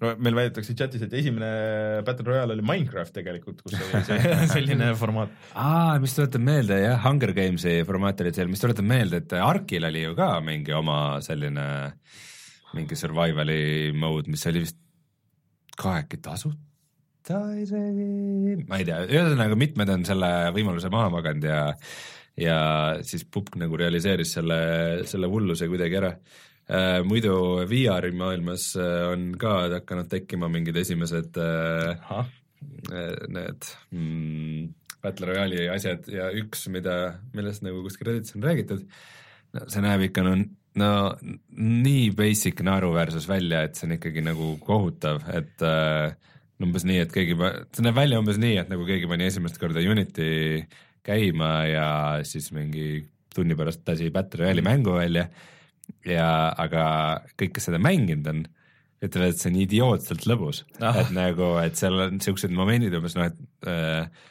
et keegi võtab relva ja laeb seda, siis sa lähed juurde ja võtad ta käest relva ära ja lased ta ise sellega maha, et nagu see, see on päris äh, jah. see pidi hüsteeriliselt lõbus olema, et äh, ma arvan, et see on ka ainult aja küsimus, et äh, millal ka VR-i mingi siuke mäng tuleb. nojah, eks me jõuame siin lähema aasta jooksul kõik need versioonid ära näha ma kahtlustan no.. aga siis lõpetuseks äh, räägime natuke Eesti asjadest ka, et äh, nüüd siis on päris palju tulnud äh, see aasta nagu neid päris ikkagi Eesti mänguarendusi, et et äh, noh, okei okay,, see meie va- uh, No Truth with the Furies, mis pidi see aasta välja tulema, esiteks kolis Londonisse. ma ja... tegin oma pakkumise, et nad tulevad välja uue treileriga aasta lõpus ikkagi ja nad tulid. ahah, ja aga nad ametlikult ei ole seda edasi lükanud ikka, aga no ilmselgelt nagu nad ei tule kahe päeva jooksul välja. Nad pole täpset kuupäeva ka öelnud, aga oli kaks tuhat seitseteist on ikkagi öeldud ka meile. jah, et äh, aga ootan huviga, et mis sellest saab, et noh, need visullid, mida nad postivad kogu aeg, et need näevad jätkuvalt väga huvitavad välja. ma loodan, et neil raha otsa ei saa seda tegelikult tehes ja siis äh, no neil on vähemalt korralik väljaandja nagu see ja siis Skyfront äh, VR, mis, ähm, mille tegijad siis meil siin külas käisid või üks tegijatest ja see tundub, et on nagu noh, mis te nüüd vaatate siin mm,? mängijaid. mängitakse siin viimasel ajal nii, et äh, noh, võib-olla siin nädal või aasta lõpus vaata, inimestel on rohkem aega, võib-olla saavad headset'e. Players in two weeks ei tea jah. et nädala jooksul ikka mingi paar tuhat mängijat või? ma ei saa täpselt sellest statistikasüsteemist aru, nii et ärme siin mingid numbrid välja hõika kusjuures äh, teile võib tulla üllatusena, aga Steam'i tuli neljateistkümnendal detsembril välja Eesti mäng. nii? mille kõige rohkem inimesi korraga on mänginud küll kolm aga see on nagu huvitav, äh, huvitav mäng. nii et selle nimi on Nirvana Pilot Yume, Y-U-M-E. Ja see on äh,, kuidas ma, Skype'i tegijad tegid enne Skype'i tegid sellise mängu nagu Skyroads ja. ja see on selle Skyroadsi kummardus Skyroadsile, sõnastame seda niiviisi okay., et see koosneb kahest osast, et üks on selline samamoodi äh, platvormidel äh, sellise kosmose süstiku, lennuki mm, -hmm. raketilaadse asjaga hüppamine ja sõitmine ja takistuste eest ära põiklemine. kõik on selline tänapäevasem ja selline neoonne ja vilkuv äh, visuaal ning teine pool sellest mängust, täpselt viiskümmend, viiskümmend, ma natuke seda mänginud, on äh, nii-öelda visuaalne romaan. ahah, no et kus äh, äh, nende rakettide piloodid äh, Aha. lahkavad enda suhted, suhteid. okei okay.. et selline korralik selline ei, Jaapani stiilis värk. nüüd, kui, kui sa äh, räägid sellest ja ma nüüd vaatan screenshot'e, siis äh, meenub, et sa linkisid seda, aga ma nagu ei süvenenud täpselt, kaksteist eurot maksab see Steamis ja Äh, ma olen seda umbes tund aega mänginud äh, no,. ma ei julge seda ei, ei maha teha ega soovitada praegu. ma arvan, et see on niisugune asi, et millest me oleme kohustatud järgmine nädal video tegema, sest et Eesti mäng ja Skyroads ja ma arvan, et see klikib päris paljudele. muidugi see teine pool sellest ta on natukenegi ühe, ühendab nagu siukse ühe teise Steam'i žanriga eroge või midagi sellist. seal oli kuskil no. kirjas, et ütleme, et see on maitsekalt tehtud mm,, et nad okay. lubasid, et aga natukene nagu see kasutajaliidese, see jättis natuke vist nagu toore mulje ja kogu mm, -hmm. aga samas neil on vahepeal, ma vaatasin, üks uus patch välja tulnud ja ma pole pärast seda vaadanud seda, et kus nad just lubavad meelest... viite eri lõppu ja kõiki seda asju. nojah, ei, aga aga vähemalt on tore, et Eestis tehakse ja ma vaatan, et äh, suuremas osas positiivsed on äh, kommentaarid, nii et, et, et tahaks huviga kohe proovida nii, kas meil on äh, siia veel aasta teemadesse ma kardan, et me võime või... minna oodatud äh, isiklike edetabelite juurde. ei, aga teeme, teeme kõigepealt inimeste ah, tabel ära. kui sul on see olemas äh,. sul ei ole jah? inimeste edetabel. okei okay.. aa, võta. ma lasen korra kõlli ja siis, siis tuleme tagasi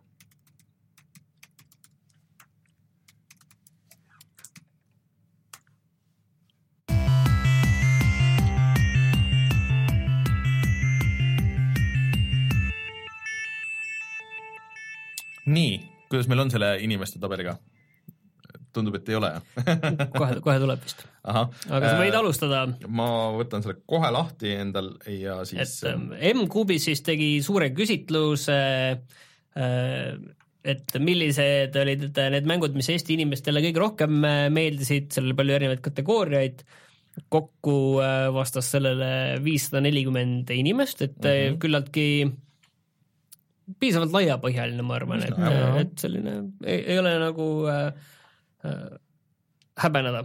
ja, ja ma ei tea, kuidas me siit äh, lähme, et äh, ma arvan, et loeme ette näiteks topi ja siis võib-olla äh, ja kas siis äh, kiidame inimesi või sõimame või? jah, et äh, esimene kategooria on siis äh, parim action mäng ja siin on suhteliselt äh, ülekaalukas võitja sellel äh,. ma võin pakkuda no paku, äh,. Pupk, see on tõesti pupk, kakskümmend üheksa koma seitse äh, protsenti inimestest on äh, selle valinud enda lemmik action mänguks teisel kohal päris äh, väikse, kakskümmend kolm koma seitse on äh, siis äh, Call of Duty mingil põhjusel äh,, World War kaks, et äh, noh, jah, okei okay,, see on Eestis nagu Call of Duty ikkagi nagu popp asi. ei tea, Eesti ei ole väga niisugune Call of Duty maa, ma isegi olen üllatunud selle üle. aga teeme nüüd niiviisi, et järgmise peab äh, Rein ära arvama, teeme kordamööda, arvame neid kategooriaid okay. võitjaid ära. Äh, parim seiklusmäng, mis võiks olla? nii lai mõiste on see muidugi, et, et aga paku midagi puusalt. Horizon Zero Dawn. ja Martin? Seiklusmäng on nii, okei okay,, tead, ma pakun Assassin's Creed Originsit, et kuna see on selline kategooria, kuhu see võib minna. Teil on mõlemal õigus, sest et äh, tegelikult või noh, selles mõttes, et üks ja kaks, tegelikult võitja on Martin, sest et äh, Assassin's Creed Origins on nelikümmend kuus protsenti häältest et saanud. Eesti on ikkagi Assassin's Creed'i maa, mitte Call of Duty maa. ja seitseteist koma kaks äh, on äh, Horizon Zero Dawni poolt paraku Martinil ikka mitu korda rohkem õigus. mm. -hmm. Uh, siis parim RPG, ma küll ei tea, miks siin Middle Earth äh, Shadow of Mordor on, aga okei okay.. ega neid väga palju ei olnud see aasta, RPG-de koha pealt oli kindlasti kehv aasta, aga Eh, võtaks selle sihuke- mängu, mida Rein siin mängis viimati ehk eh, Divinity, Divinity Original Sin kaks. lisaks ka see Tormenti mäng oli. Torment oli jah, aga see oli, Torment on nagu selline veits nagu selline hardcore. Zelda on tegelikult rollimäng. no pigem nagu mina ei ütleks, minu arust on rohkem action mäng rollimängu elementidega. Ja sama ütleks mina tegelikult ka, okei okay,, ma ei saa üldse, kuidas on loogiline, et äh, vastuseks on, mis on ka võitnud ah,, okei. Okay., see on loogiline, mis võitis, ehk siis äh, üks väheseid äh, siukseid suurejoonelisi RPG-sid sellel aastal, ehk siis South Park äh, Fractured But Whole õige, õige. on kakskümmend kaheksa, aga teisel kohal miskipärast on äh, Sims, äh, ei, oota, GTA See- Online ma arvan, et see on ka, Forsa. ei, teisel kohal on, kui ma siit õigesti aru saan, ongi, no näita nüüd vastust. miskipärast ei ava mul. Anyways, mulle, kui ma värvide järgi siin match in, siis tundub, et äh, teisel kohal on Horizon Zero Dawn. Horizon Zero Dawn, mis ei ole üldse võtsin ka lahti ja selle. äh, nii, mis ei ole üldse minu meelest RPG nagu, et see on samamoodi nagu Zelda. samamoodi nagu Zelda jah, aga võta järgmine. peaks muidugi siin vahepeal mainima, et need kategooriad ja mängud seal ei ole meie Jah. koostatud ja valitud. tegelikult sinna sai ise lisada. Ise lisada ka, jah. aga mingid olid ette pandud ka. Mingid olid ette pandud. nii, ja siis parim kaklusmäng ja et see aasta tegelikult oli nagu No päris palju, palju, jah. palju kaklusmängu, et eelmine aasta ikka oli väga kuiv, üle-eelmine aasta ka. no Tekken seitse. mis sa pakud, Rein? ei mäletagi, mis kaklusmängud see aasta oli, mina ei mänginud ühtegi. Äh, aga selles mõttes sul on õigus, Tekken seitse ja see tegelikult oli väga hea mäng, ma tegelikult soovitaks ka proovida, sellest on nüüd PC versioon, Injustice kahest on PC versioon. Justice kaks ongi teisel kohal. jah, et äh, need on tõesti, mõlemad on siuksed, et äh, kui sul on puldid olemas, sa võid anda inimesele, kes ei ole põhimõtteliselt kunagi elus mänge mänginud, annad puldid kätte, let's go, et see suudab sellise mash imisega nii palju hakkama saada, et sul on nagu lõbus, aga äh, kui sa nagu natuke tead asju, et siis läheb edasi. aga noh, samas tulid ju ka Arms ja Marvel versus Capcom ja põhimõtteliselt War Honor on ka nagu võitlusmäng ja nii edasi, et, et oli päris tuusi asju. nii, parim õudusmäng. Rein. Resident Evil seitse kindlalt. tõenäoliselt jaa. Outlast, Outlast kaks ilmselt jäi. Outlast kaks oli natukene, natukene kahju oli mul sellest mängust, sest see kas, kas sul oli õudselt mul kahju mul või oli? õudusmängust kahju, see on juba iseenesest selline kurb vaatepilt, mul ei peaks olema. nii, nii ta on, Resident Evil seitse võitis ja ma arvan, et see on suhteliselt nagu aus võit ka, et uh, The Evil Within on jõudnud päris kõrgele kohale, The Evil Within kaks, et mida tegelikult see, kuni see nüüd on allahindluses, siis tegelikult võiks uh, proovida. viiskümmend protsenti allahinnatud.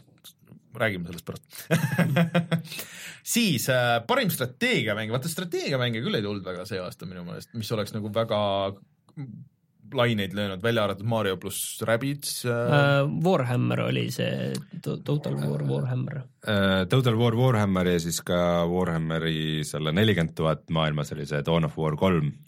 Äh, ja üks asi veel tegelikult või isegi kaks asja, üks oli see Mario and Rabbids äh, Kingdom Battle ja teine asi, pigem taktikamäng. no okei, see on laias laastus küll ja teine asi oli sellele äh, X-komi, X-kom kahele tuli ka üks äh, suur lisapakk välja mm..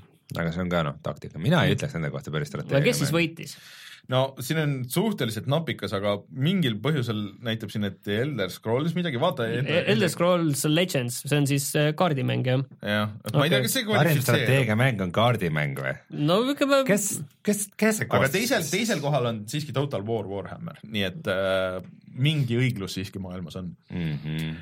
parim rallimäng on muidugi parim automäng, ma oleks mina sõnastanud selle muidugi, aga, aga selles mõttes, et äh, neid oli ka palju see aasta ja kõik olid täitsa enam-vähem head. Dirt neli näiteks tuli see aasta välja, mida ka vist pigem nagu kiideti, siin olid kõikide nende F1 äh,, WRC, Mario, Mario kart, Grand Turismo jah äh,. nii, aga Project Cars kaks. aga kes võitis Most Sublime'iga, üks nendest on tõenäoliselt vastus, aga see on täiesti huupi pakkumine.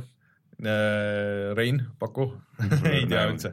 no Dirt neli äh, väikse, väga väikse vahega Need for Speedi ees mingil põhjusel, ma arvan, et inimesed panid lihtsalt, kuna nad teadsid Need for Speedi nime ja ei olnud seda mänginud. ja et midagi peab panema, siis ma yeah. kunagi mängisin Need for Speed'i. jah, ja järgmine kategooria on parim spordimäng, tõenäoliselt FIFA. Selles mõttes ei ole isegi no mingit, kahtlust. aa, ma mõtlesin, et võib-olla ka NBA kuskil seal, aga kui sa juba ütled. no see on, need ongi top, top päris kaks, ülekaalukas jah. ehk siis viiskümmend kuus koma üks protsenti on FIFA kaheksateist ja järgmine on NBA kaks K kaheksateist on neliteist ja pool punkti. kõik kurdavad seda nüüd, kui vaata meil Toots käis rääkimas siis, kui see just välja oli tulnud, et see mängitavus ise on hea, aga kõik seal mängu ümber, kõik need menüüd, kuidas sa saad, kõik need mingid upgrade imise süsteemid, et need pidid ikka väga-väga tüütud ja halvad olema mm.. et eriti võrreldes eelmise aasta mänguga, mis oli väga hea olnud. parim indie-mäng. siin see on küll veits nagu keeruline.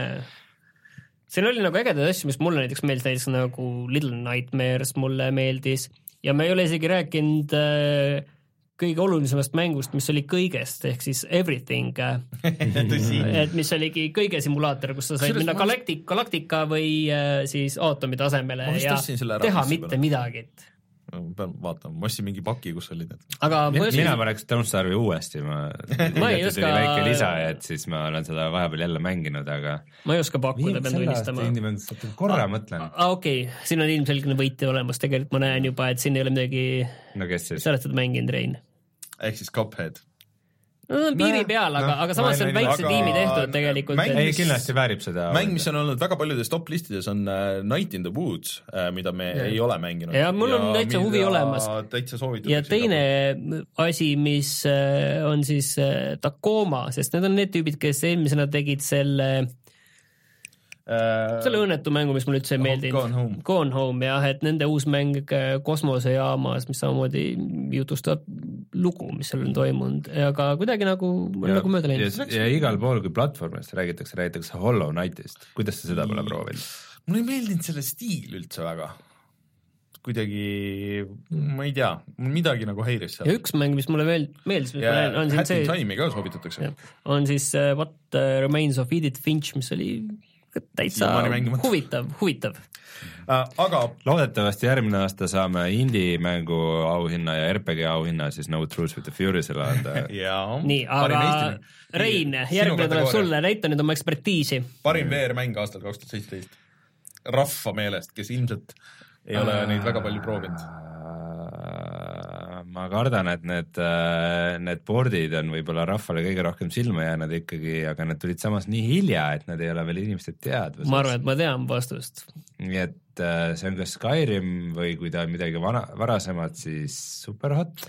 ma arvan, et see on Resident Evil seitse Martinil point. on õigus, kolmkümmend üks koma neli protsenti inimestest on arvanud, et see on Resident Evil seitse ja tegelikult seal kohe otsas on, on Fallout neli VR ja siis äh, seal paar nõksu alles kaugemal on Superhot VR. ja kes seal vahepeal on mm,? siis on äh, vist Star track Bridge Crew ei olnud üldse kohutav, no Farpoint on niisugune ilmselge Playstationi eksklusiiv ma tunnen, et väga Playstationi poole kallutatud on see vaste no tavainimestel lõun... nagu väga ütleme niimoodi, et võib-olla ongi kõige lihtsam ligipääs. aga Echo on ka mingi ühe protsendiga vist ikkagi. see, see on nii väike, et seda ei saa näha siin ja Rick and Morty oli ka tegelikult päris hea VR-i mäng, nii et. aga Rein, parim peremäng?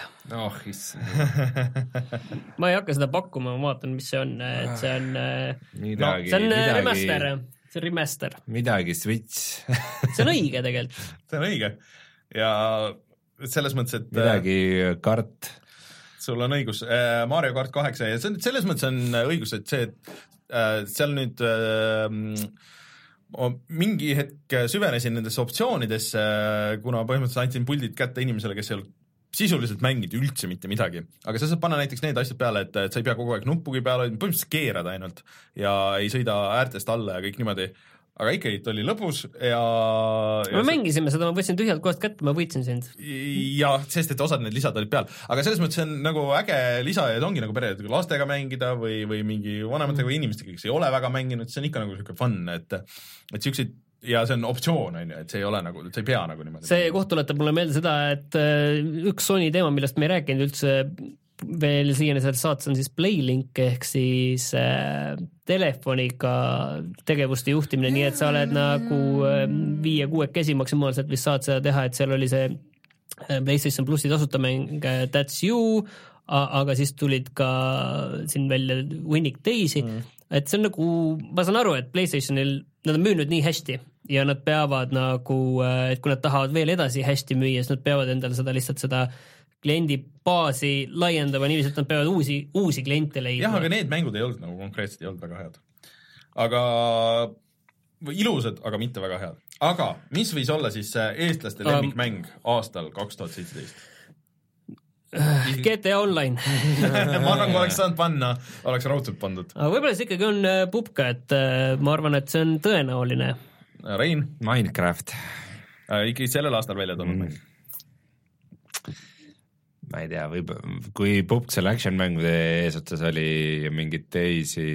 ma juba näen, et Pupk on vale vastus, ma juba vaatasin, Pupk on vale vastus, Pupk on teisel kohal. no siis Call of Duty siiski mitte, aga Assassin's Creed, et Eesti Aa. ikkagi on Assassin's Creed'i ja avatud maailma mäng, noh, selles mõttes, et mis mõnes mõttes on loogiline, et noh, kes on suuremad mängurid ja kes noh, võib-olla ei saavadki mängida ühte mängu, kahte mängu nagu aasta jooksul on ju, siis tahavad niisugust mängu, kus ongi mitusada tundi asju teha ja siis Pupk ja Assassin's Creed kvalifitseeruvad nagu päris hästi. kusjuures siin kolmandal kohal ma näen Horizon Zero Dawn, jälle mm. avatud maailm ja siis ongi Call of Duty. ja siis on Call of Duty ja FIFA ja, siis, ja pärast seda tuleb Resident Evil seitse. ja, ja siis hakkab riburada pidi tulema igasuguseid asju aga siin on, see oligi kõik kategooriad, minge vaadake äh, mkuubis.net, äh, seal on tegelikult äh, loositakse välja ka auhindu nende Facebooki lehel ja, ja kui te vastasite seal, et siis teil on võimalus võita veel asju, aga siin lõpus on nüüd üks huvitav asi, mis äh, annab nagu hea pildi nagu ka nendest mängijatest, et äh, et millised mänguplatvormid inimestel olemas on, et see on niisugune viiesaja, viissada pluss äh, valim, valim, jah. et äh, arvuti on olemas siis kaheksakümne noh, mängu, mänguplatvormil on mm. arvuti olemas põhimõtteliselt kaheksakümne kahel plat-, protsendil. Nendest vastajatest, jah. jah, et see on selline täitsa loogiline ja normaalne. mis on nagu huvitavam, on siis äh, eelmise ja praeguse generatsiooni suhe mm. -hmm.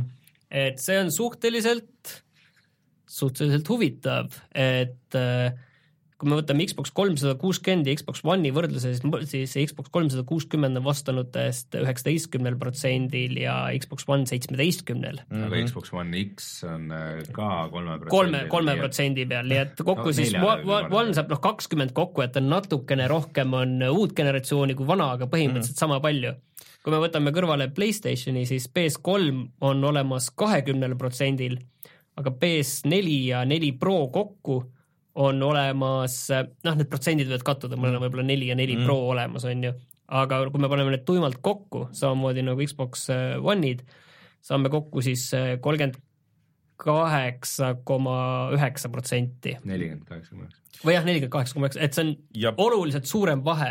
ja päris paljudel on äh, tegelikult ka Nintendo Wii olemas veel ikkagi selle nagu, et, et huvitav, kas see on nagu jäänud mingist hetkest lihtsalt tiksuma? no tõenäoliselt see on kapis nagu olemas, ma tean, et mul on olemas ja Switch on siis paljudel äh, Switch on ainult kolmekümne seitsmel inimesel ehk siis äh, natuke alla seitsme protsendi.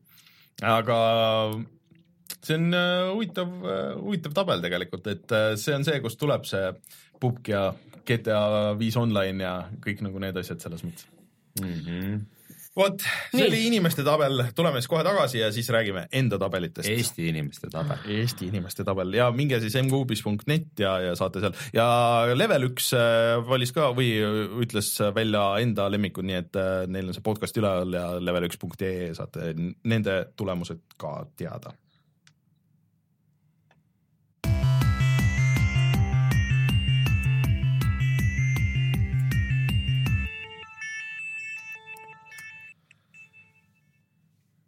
niisiis, äh, meie isiklikud tabelid, äh, klassikaline formaat. klassikaline formaat, äh, kolm äh, toppi, me ei ole seda siia kirja pannud või noh, tavaliselt siin nagu põnev, Martin alles mõtleb välja oma toppi, sest mul, mul on tõesti tea küll, Martin, miks, miks sul ei ole mängitud see aasta mänge?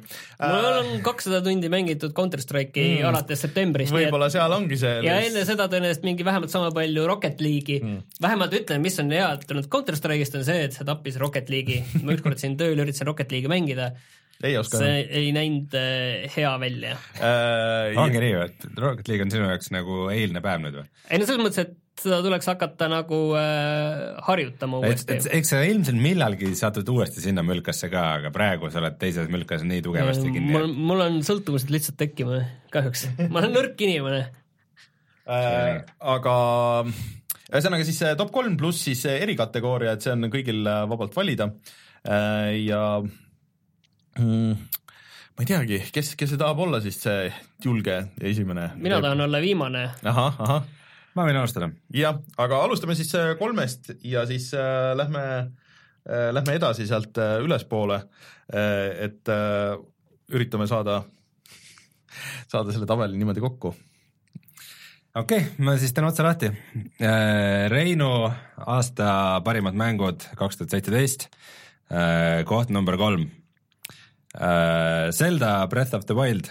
oo, kas Nintendo mäng jõudis jõudis Reinu toppi või?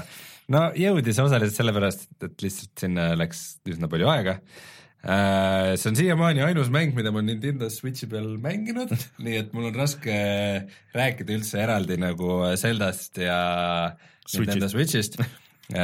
minu jaoks põhimõtteliselt nagu sama asi. aga ma ei tea, üldjoontes uh, mulle meeldis väga selle mängu emotsioon, ta oli sihuke no eriti kui sa enne nagu oled mänginud Witcherit äh, näiteks, siis sa oled harjunud, et kõik need maailmad on siuksed nagu brutaalsed ja kurjad mm. ja kõik on halvasti ja mis mulle hullult meeldib äh,. aga, aga noh, kuna ma muidu nagu Nintendo mänge ei mängi, siis äh, see sihuke nagu teine tonaalsus oli minu jaoks niisugune sõõm värsket õhku, et nagu kergus, kerge ja tore ja aga peab tunnistama, et pikapeale tegelikult see kergus tüütas mind päris ära, et ähm, mm, alati on imelik nagu kiita mingit mängu ja siis öelda, et see on, see on tegelikult mm. overrated äh,. aga mulle tundub, et Zelda on ikka natukene overrated, et äh, arvestades, mis mingid maksimumskoore ta on saanud mingitelt saitidelt. tal on ikka päris mitmeid vigu, et äh, näiteks väga ebaühtlane raskusaste äh,, väga korduvad äh, tegelased ja kohad, ähm, ka mõned äh, jõudlusprobleemid, kui kõrge rohu sisse satud, siis ikka tõmbab vahepeal frame rate'i väga alla. ja, aga no mis mind võib-olla kõige rohkem häiris, oligi see, et äh, see noh, see mängu lõpuni tegemine on ikka natuke punnitamine, sest et nagu iga uus koht oli enam-vähem nagu eelmise koopia, et need, need neli maailma nurka, kus sul olid need suured mm -hmm. nagu masinad, see oli nagu hea struktuur ja seal nagu sa nägid mingit variatiivsust ka, aga aga kõik muu oli küll nagu läks väga kiiresti väga tüütuks, et monstereid, kolle oli nagu vähe sinu vastas. aga mis selle mängu nagu noh, minu jaoks ikkagi sinna pjedestaalile pani, oli nende mehaanikate äh, nagu läbimõeldus mm -hmm. ja toimimine, et äh, sul on see mängu füüsika ja need spellid, millega sa saad seda kontrollida ja kuidas nagu sul tuli võib levima hakata ja sa saad seda tuld kasutada selleks, et nagu äh, õhku hõljuda oma selle langevarjuga ja siis sealt kuhugi teise kohta libiseda ja et sealt sa saad igale poole ronida ja puu otsa ronida ja sa saad ka puu maha raiuda ja kõik see nagu kui tahad, võid, võid tule, tulega tekit-, võid tekitada tu, tule ja tuult ja hoopis mingi kollide baasi põlema panna sellega, kui, kui viitsid ja mingeid siukseid asju sai teha mm. -hmm ja loopida mingeid pomme sinna sisse ja vaadata, mis juhtub, no see, see on, on nagu miski, mis minu jaoks äh, nagu tõstis natuke standardit ja ma loodan, et nagu edaspidi teised mängud hakkavad ka neid nagu süsteeme Aga põhjalikult läbi mõtlema. veider see, et arvestades põhimõtteliselt igale poole said ronida, põhimõtteliselt iga platvormi või noh, iga, igat äh, materjali pidi peaaegu, et siis mitte kunagi ei jäänud nagu geomeetriasse kinni kuskil. Ja seda ma mõtlesin, kui ma mängisin seda neetud Wolfenstein kahte ja sa jääd nagu sisuliselt koridori shooteris, jääd kuidagi mingisuguse kahe, kuidagi mingisuguse äh, mingi toru vahele kuidagi niimoodi kinni, et sa ei saa nagu lõikudes sihuke kuidas on võimalik, kuidas te ei saa teha nagu oma levelit kuidagi niimoodi, et äh, et kui mingid tüübid suudavad terve maailma nagu tekitada niimoodi, et ja et sa veel saad ronida igale poole, aga et ei suuda nüüd teha mingisugust suvalist kuradi koridori niimoodi, et, et ma ei peaks nagu siin mingi nihutama sentimeetri kaupa, et, et ma ei oleks geomeetrias nagu, et, et see, see ajab ikka närvi mm. -hmm. aga, aga jah, ma olen see, jah. ja teine asi, mis äärmiselt õhuke oli, on story mis minu meelest oli seal, seda lugu oli mingi väga väikese lühikese mängu jagu, mis oli kuidagi üritatud välja venitada sinna terve mängu peale ja see mõjus kuidagi veidralt, pluss need, äh, ma olen juba midagi head ka oli või? mitu korda, mitu korda kurtnud, et, äh, et äh, see Need, need tegelased olid, kellega sa vestlesid ja seal maailmas olid pigem siuksed nagu anime kangelased. ma pean vist nii palju põhjendama enda jaoks, miks ma nagu Nintendo mängu panen äh, tappi, et siis ma leian ainult vigu, aga aga see üldine emotsioon oli hea, ta oli tore, ta oli hästi mängitav. no see, sa juba läbi tegid selle. ma tegin ta läbi äh, ja, ja ma väga imestan, et ma pärast selles maailmas ei saa edasi tegutseda ja ma arvan, et ma nende DLC-dega vist ei viitsi tegeleda, et äh, ma sain nagu täiesti piisava annuse selle Zeldat ja mulle vist piisab. nii, aga siis äh, Reinu aasta kaks tuhat seitseteist. ma mõtlesin, et võtame kolmandad ka kohad, siis kõik järjest, et teeme tiirud peale. no me võime niimoodi teha. teeme midagi teistmoodi, vabandust, cool. Äh, ma ütlen seda kolmanda koha ära, et siis mul on vähem lihtsalt mõelda kokkuvõttes, et ma ei pea, et ähm, Resident Evil seitse on äh, äh, ma olen just viimastel aastatel mänginud kõiki neid äh, Resident Evil'i remake'e mm, -hmm. mis on nii siis Resident Evil'i esimese remake, mis tuli siin kaks aastat tagasi mm -hmm. välja ja siis Resident Evil äh, Zero, mis tuli välja ja mulle sellised väga meeldivad ning samas mulle meeldivad need uue kooli õudusmängud nagu äh,, nagu Outlast oli, kas oma mm -hmm. esimese lisapakiga, Outlast kaks läks natukene nagu teispoole, millest me juba rääkisime, aga, ja see suutis need nagu kokku panna, et äh, äh, nii-öelda selle nii vana kooli kui uue kooli ja teha sellise korraliku produktsiooniga mängu, mis äh, oli äge mm. -hmm. et kui ma tahaks olla nagu Rein, siis ma hakkaks ka kurtma, et PlayStation nelja peal palju..., seal oli see pilt, graafik oli kohati väga kehv nagu see tead, mingites olukordades, aga samas see atmosfäär, aga, aga PlayStation oli ka, vabandust, PC peal oli ka kohati oli nagu veidralt halb graafik. no tekstuur, no nagu tekstuurid mingi, olid tegelikult mingites nagu kohtades nagu tõesti lambid, aga samas, samas see töötas täpselt nii, nagu ta peab. seal oli see salvestamissüsteem nii nagu vanasti oli, et sul olid see kasseti pealt ja, ja, ja sa pidid õiges kohas salvestama ja tegutsema läbimõeldud, et noh, see on õudusmängu puhul alati see see kõige tähtsam asi, et sul, sa noh, tunneksid, et et, et sul on mida kaotada no lõpuboss oli hästi nõrk nagu muidugi see või noh, jaa, arvu, arvustades, arvestades kogu seda noh, põhimängu ülesehitust, milline see, milline see enamik mängu oli, siis, siis jah, see selline lõpuboss oli, pigem oleks oodanud midagi oluliselt minimalistlikumat ja sellist li, sellist lihtsamat.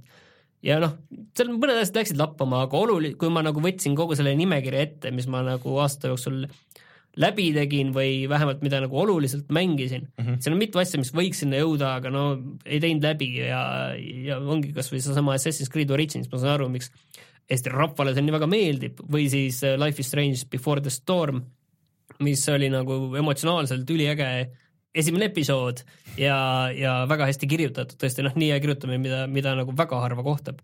aga, aga kui ma peaks valima nendest mängudest, mis tegelikult ikkagi läbi tegin, siis see ikkagi, see oli hea. mm..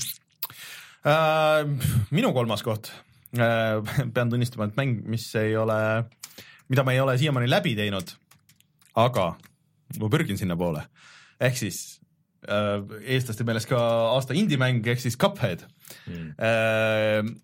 ma just tahtsingi küsida, Ma mõtlesin tükk aega- kas kumbki teist tegi selle mängu läbi ka ei või?, ma kulutasin siin pühade ajal üks päev äh, kolm tundi ühe bossi peale, mis on kaheminutine võitlus.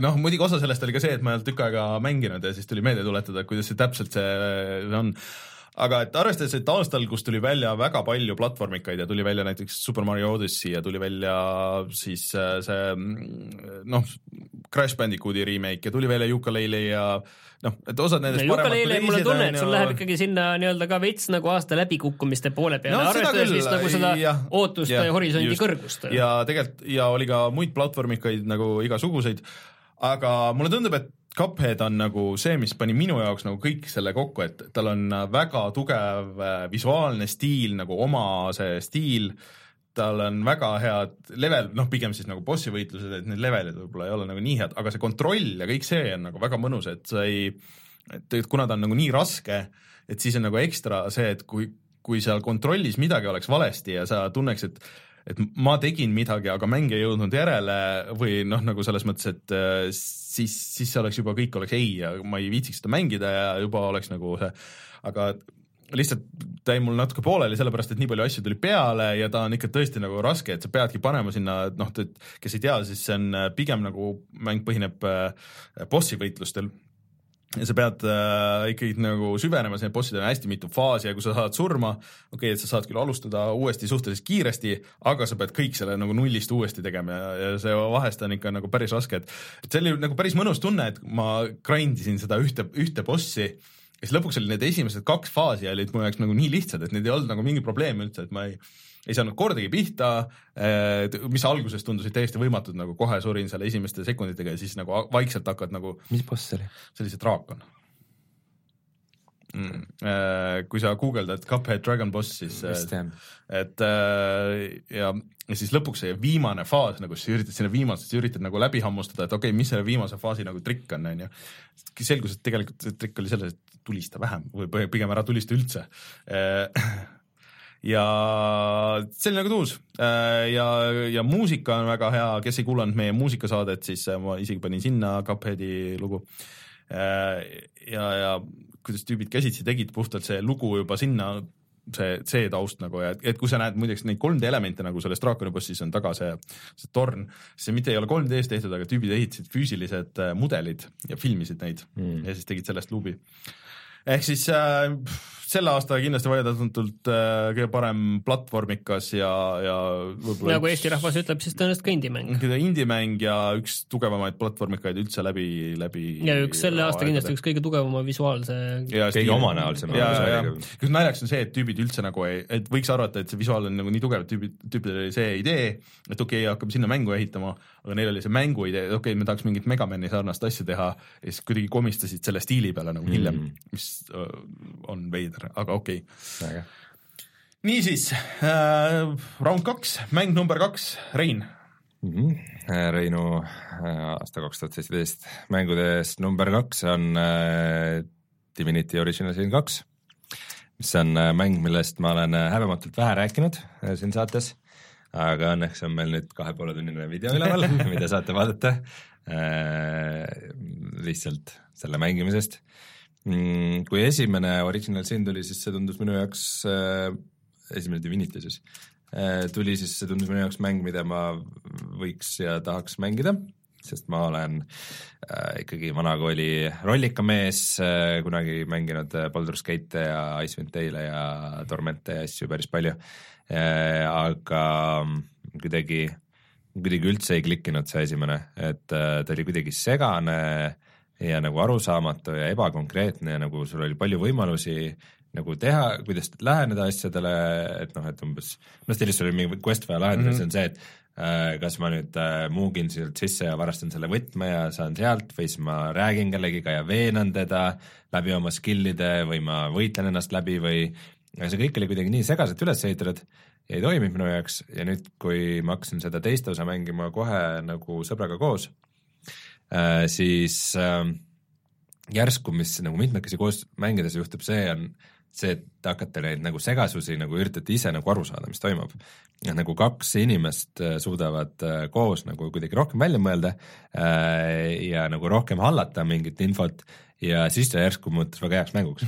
et kuidagi ma ütleks, et ma ka esimest Divinityt ei soovitagi nagu põhimõtteliselt üksi mängida, et need ongi nagu grupis arutamiseks need, neid tegelasklasse nii palju, sul on nii palju erinevaid maagia, spelle ja koolkondi ja neid saab kombineerida ja pluss äh, sarnaselt siis Zeldaga ka Divinity's on nagu see see maailma füüsikasüsteem mm -hmm. on päris arenenud, et umbes, et, et kui kuskil on vesi, siis äh, seda saab nagu jääks muuta ja siis selle peal nagu inimesed, tegelased libisevad ja tuli teeb vähem tämmi ja noh, siis mis videos juhtus näiteks oli see, et äh, mm, äh, ühes kohas oli õlilaik ja me vältisime seda, et me mingi tuleloitse nagu sinna ei paneks, et seal läheb mm -hmm. kõik põlema, me saame ise ka äh, vigastada, aga siis äh,, mis ma tegin vea, oli see, et ma ühe tegelasega, kes parasjagu nagu põles, jooksin sinna peale ja see pani ka käima tööle selle, et nagu äh, mida ma absoluutselt ei oodanud, et juhtub, et see, et sul on äh, tegelasel on mingi debuff peal, et see, et see interakteerub maailmaga, et nagu kuidagi sa ei oska nagu oodatagi mm -hmm. selliseid asju pluss äh, see, et meie, meie mängus, mis on nüüd juba nagu päris mitu pikka sessiooni kestnud, pakun, et mingi kümme tundi me oleme ikka mänginud, äh, võimalik, et ka kakskümmend, ehk kakskümmend vist ei ole. et äh, Oliveri tegelast pole nagu üldse toimima saanud, et äh, tema teeb peamiselt kahju nagu oma tegelastele kui kui vastastele, et äh, me nagu üritame kuidagi läheneda sellele, aga ei saa hakkama, et äh, et äh, see on nagu mäng, mis on suutnud samal ajal äratada äh,, suutnud nagu kratsida seda, seda nagu koostöömängu vajadust, mille järgi mul on, on suutnud äratada nagu nostalgia kõikide nende vanade rollikate suhtes nagu Baldur's Gate'id ja asjad ja lisaks nagu see, selle mängu enda maailm ja kõik see on nagu ka hakanud huvi mhm. pakkuma mm, -hmm. et ikkagi ta toimib nagu mit, väga mitmest aspektist. alguses ma mäletan, kui sa esimest korda mängisid, et see on nagu siuke ja aga et ja seal ongi nagu, alguses on natukene liiga palju asju ja siis samal ajal sa tunned seal ära nagu need vanad mängud ja siis ta ei toimi päris samamoodi ja siis no natuke raske sisse saada mm., aga kui, kui sa saad, siis see on nagu raske välja tulla raske just välja tulla, et ma suvel äh, Saksamaal VR-i ühel koolitusel sain äh, sõbraks ühe Rootsi kutiga ja siis äh, Amsterdamis konverentsil nagu ta oli ka seal ja mm. kohtusime ja ja põhimõtteliselt tema ja tema ülejäänud firma nagu ei tulnud ükski õhtu ühelegi üritusele välja, siis nad olid kõik hotellis ja mängisid Nad olid nagu Amsterdami konverentsil ja suhtleme värki mm. ja lõpuks nad ei viitsinud ükski õhtu välja tulla, et oli lihtsalt liiga huvitav, et nad ei suutnud nagu sellest välja tungida et äh, see ilmselt ka näitab midagi, aga jah, Divinity Original Sin kaks, siis see on üks, äh, võiks öelda, et üks minu aasta suurimaid üllatajaid. aga Martin, sinu number kaks siis? minu number kaks on selles mõttes natuke sarnane, et kui Rein ütles selle mängu kohta alguses ka ja siis äh, mul oli samamoodi alguses et selline natukene külmaks jättis või ei saanud aru, nimetame seda asja nii, aga, aga õige vastus on siis Prei ah.. jaa, huvitav. see on huvitav tõesti, et äh, meil see, rääkisime kaks tundi rääkisime asjadest, mis toimusid see aasta ja Prey ei tulnud kordagi jutuks mm. -hmm. ehk siis see on äh, uus versioon ja see ta ei ole uus versioon. või no selline jah, sama, sama nime, nimeline, jah, nimeline järg. põhimõtteliselt äh, see žanr on siis äh, shock-like või? Shock-like. ehk no. siis nagu mängud nagu äh, System Shock ja BioShock ehk siis äh, äh, väga loole orienteeritud äh, esimese isiku vaates äh, tulistamismängud, millel on äh, üsnagi oluline rõhk ka rollimängu elementidel mm -hmm. nagu need oskused, mis sul on ja, ja võimed mm. -hmm. ja alguses nagu see asi ei saa läinud nagu kuidagi vedama ja mulle ei meeldinud üldse see, selle mängu vaateväli, kus ma PS4 peal ka mängi-, mängisin, et see kuidagi nagu ei, ei, ei läinud. aga samas äh, üks hetk läks see käima ja siis ma tegin selle suhteliselt äh, konkreetse jutiga, tegin selle läbi ja see on nagu naljakas, et see põhilugu selles mängus ei olegi nagu kõige parem mm. -hmm. et äh, mis seal on palju parem, on see, et väga rahulikult seda kosmosejaama avastada, kõik kohad läbi käia ning sul tulevad väga ägedad kõrvallood sealt tulevad välja, mis kokkuvõttes mm -hmm. mõjutavad ka seda, kuidas see mäng lõpuks äh, laheneb mm -hmm. teatud määral. no mulle, mulle meenutas see, ma alustasin ka ja ma mängisin ikka päris hea mitu tundi seda algust, mulle ta meenutas päris palju seda äh, Deus Exi, mis mulle ka nagu põhimõtteliselt meeldis ja kõik, aga see kuidagi vaata seda tüüpi mängudes see algus on nagu nii raske, kui sa aga nagu alg-, noh, ja kõik seda. see esimese tunni see twist ja see oli kõik väga äge, onju, aga see oligi see kohe, mis pärast seda twisti nagu ja. toimus, onju, et, et see kosmosejaama kohal võitlus oli nagu siuke nii see võitlus, see pärast ei olnud enam nagu nii olulinegi, see võitlus mm, -hmm. et äh, sa isegi ei olnud vaata nii tugev nagu selle maailma jaoks aga sa nagu õppisid neid olukordi lahendama okay., et sa teadsid, kuidas jah, et see tulistamine ei ole kehv, aga see tegelikult ei olegi nagu, ta nagu on tulistamismäng ja samas ta ei ole, sa saad seda mängida nii, et see, sa lihtsalt tulistad ja teed need asjad ära või siis paned mingeid need väiksed need kuulipildujad kuskile mm. püsti ja, ja, ja lahendad seda olukorda strateegilisemalt. Aga minu jaoks ikkagi kogu see lugu nagu päästis selle asja ja, ja tegi selle väga ägedaks elamuseks. isegi kui need, need vastased, need ei olnud nagu äh, udukollid või varjukollid. varju, see on nagu Babylon, Babylon viies olid need shadows, need ja, varjud. kui sa ütled, et Zeldas oli vähe vastaseid, siis seal oli sisuliselt kaks, no okei okay, no, variatsioonidega aga... nagu need ük- yeah., see suurest oli kaks varianti ja väiksest oli kaks varianti põhimõtteliselt. no ja laias laastus jah. ja siis, aga siis, kui nad ründasid sind korraga, see oli ikka jube tüütu, et sul alguses, kui sul ei ole ka veel relvi ega neid oskusi ja sa ei tea, kuidas nagu täpselt käituda ja siis saad surma ja siis on forever laadimisajad nagu siis mm. ja mul tulidki seal mingid väga rasked kohad tulid ka ette selles mängus äh, ja, ja see, et äh, kus olidki niiviisi, et sa kõiki vähe, vähegi, mida said, need korjasid mm. kokku mm., viisid selle recycleri juurde, kus sa said nendest need alg, no mitte osadeks, algmaterjalideks mm -hmm. teha ja, ja siis nendest endale kuule või midagi teha, et see, see, ta oligi nagu selline mingi see craft imise element ja, ja kogu see asi nagu kokkuvõttes äh, töötas väga hästi ja kuna ma olen just nende isegi mitte nii suur BioShocki fänn, vaid just äh, System Shocki fänn, siis see täpselt toitis seda mm., et äh, see mulle meeldis mm mina olen, mina ei suuda Preid mängida normaalselt lihtsalt sellepärast, et ma olen pettunud, et ma ei ole seal indiaani poiss, kes vibuga sa, oled, sa oled erinevalt minust, oled sa esimest osa mänginud mina ja sul on mingi taak sealt. see oli vist esimene mäng, mis ma Xbox kolmesaja kuuekümne peal läbi tegin. mina olen Prei, selle eelmise Prei kohta alati öelnud seda, et äh, ta on äh, kõige parem äh, nagu tänapäevasem Duke Nukemi mäng või kõige lähedasem tänapäevasele õigele Duke Nukemi mängule, mis me oleme saanud. Ja siis minu number kaks. Uh,, Player Unknown's Battlegrounds mm., mis on ikkagi mäng, mis minu kui mitte mitmikmängude mängija suutis nagu ikkagi tõmmata nagu päris hoogsalt nagu enda sisse, et uh, aga mida rohkem ma olen nagu mänginud, seda rohkem ma olen aru saanud, et ma ikka nagu üldse ei viitsi seda tiimimängu teha, et ma saan aru, et seal mingis mõttes on nagu see, see, see aru, lõbu on nagu seal, aga noh, selles mõttes, et äh, ma saan aru, et on suhteliselt erinevad mängud jah, teataval määral. ta on teistsugune nagu mäng, ta on oluliselt raskem üksinda nagu selles ja, mõttes. ja üksinda on ta selline üksinda, vaat see on see, nagu öeldakse, et ta on siuke aeglane hiilimismäng. et ta on üksinda on ta õudusmäng, aga ko koostöös on ta selline lõbus tiimimäng, kus sa pool aega ajad äh, tiimiga niisama suvajuttu ja, ja räägid, et kuidas, kuidas kodus teil on ja siis üks hetk on see, et oot-oot-oot, kas kuulsite seda ja siis läheb hoopis teise faasi see mäng. et, et see on nagu täiesti erinevad mängud. me oleme nüüd tei-, me tegime mingi portsu mänge ja ma olen teinud äh, Martin Šmutoviga mitu mängu ja, või, või ühe, ühe sessiooni vist tegime. aga seal on nagu see, et minu jaoks, vot mina ei mängi nagu mänge niimoodi, et seda ma olen korduvalt nagu rääkinud, et äh, et kui sa nagu mängid nagu tiimiga, siis sa pead nagu pühenduma nagu sellele või noh, nagu sa ei saa mingi hetk nagu püsti tõusta ja kas sa oled ankur või? ah?? sa oled ankur või? ankur, mis mõttes?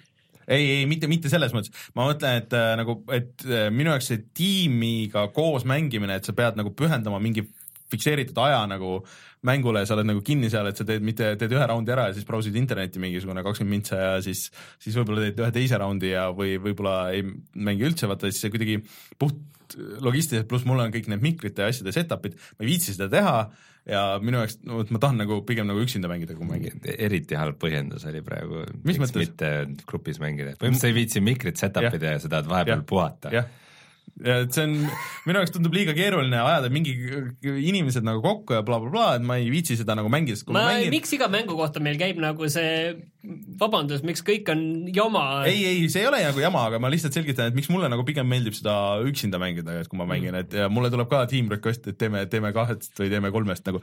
ma olen kusjuures, meie oleme oma saatega suutnud eh, väga mitu inimest, kes muidu mänge ei mängi, viia isegi nagu nii kaugele, et nad on ostnud endale masinad eh, selleks puhtalt, et eh, pubgi mängida. vot see on pubgi üks fenomen veel, et seda väga on sellest hoogu läinud ka inimesed, kes muidu võib-olla nii palju muidu ei, ei mängi, et see on nagu mingi, kuidagi laiendanud seda mängurite baasi ja näidanud, et, et mängud mingi nurga alt võivad neile mm -hmm. sobida väga Jah. hästi.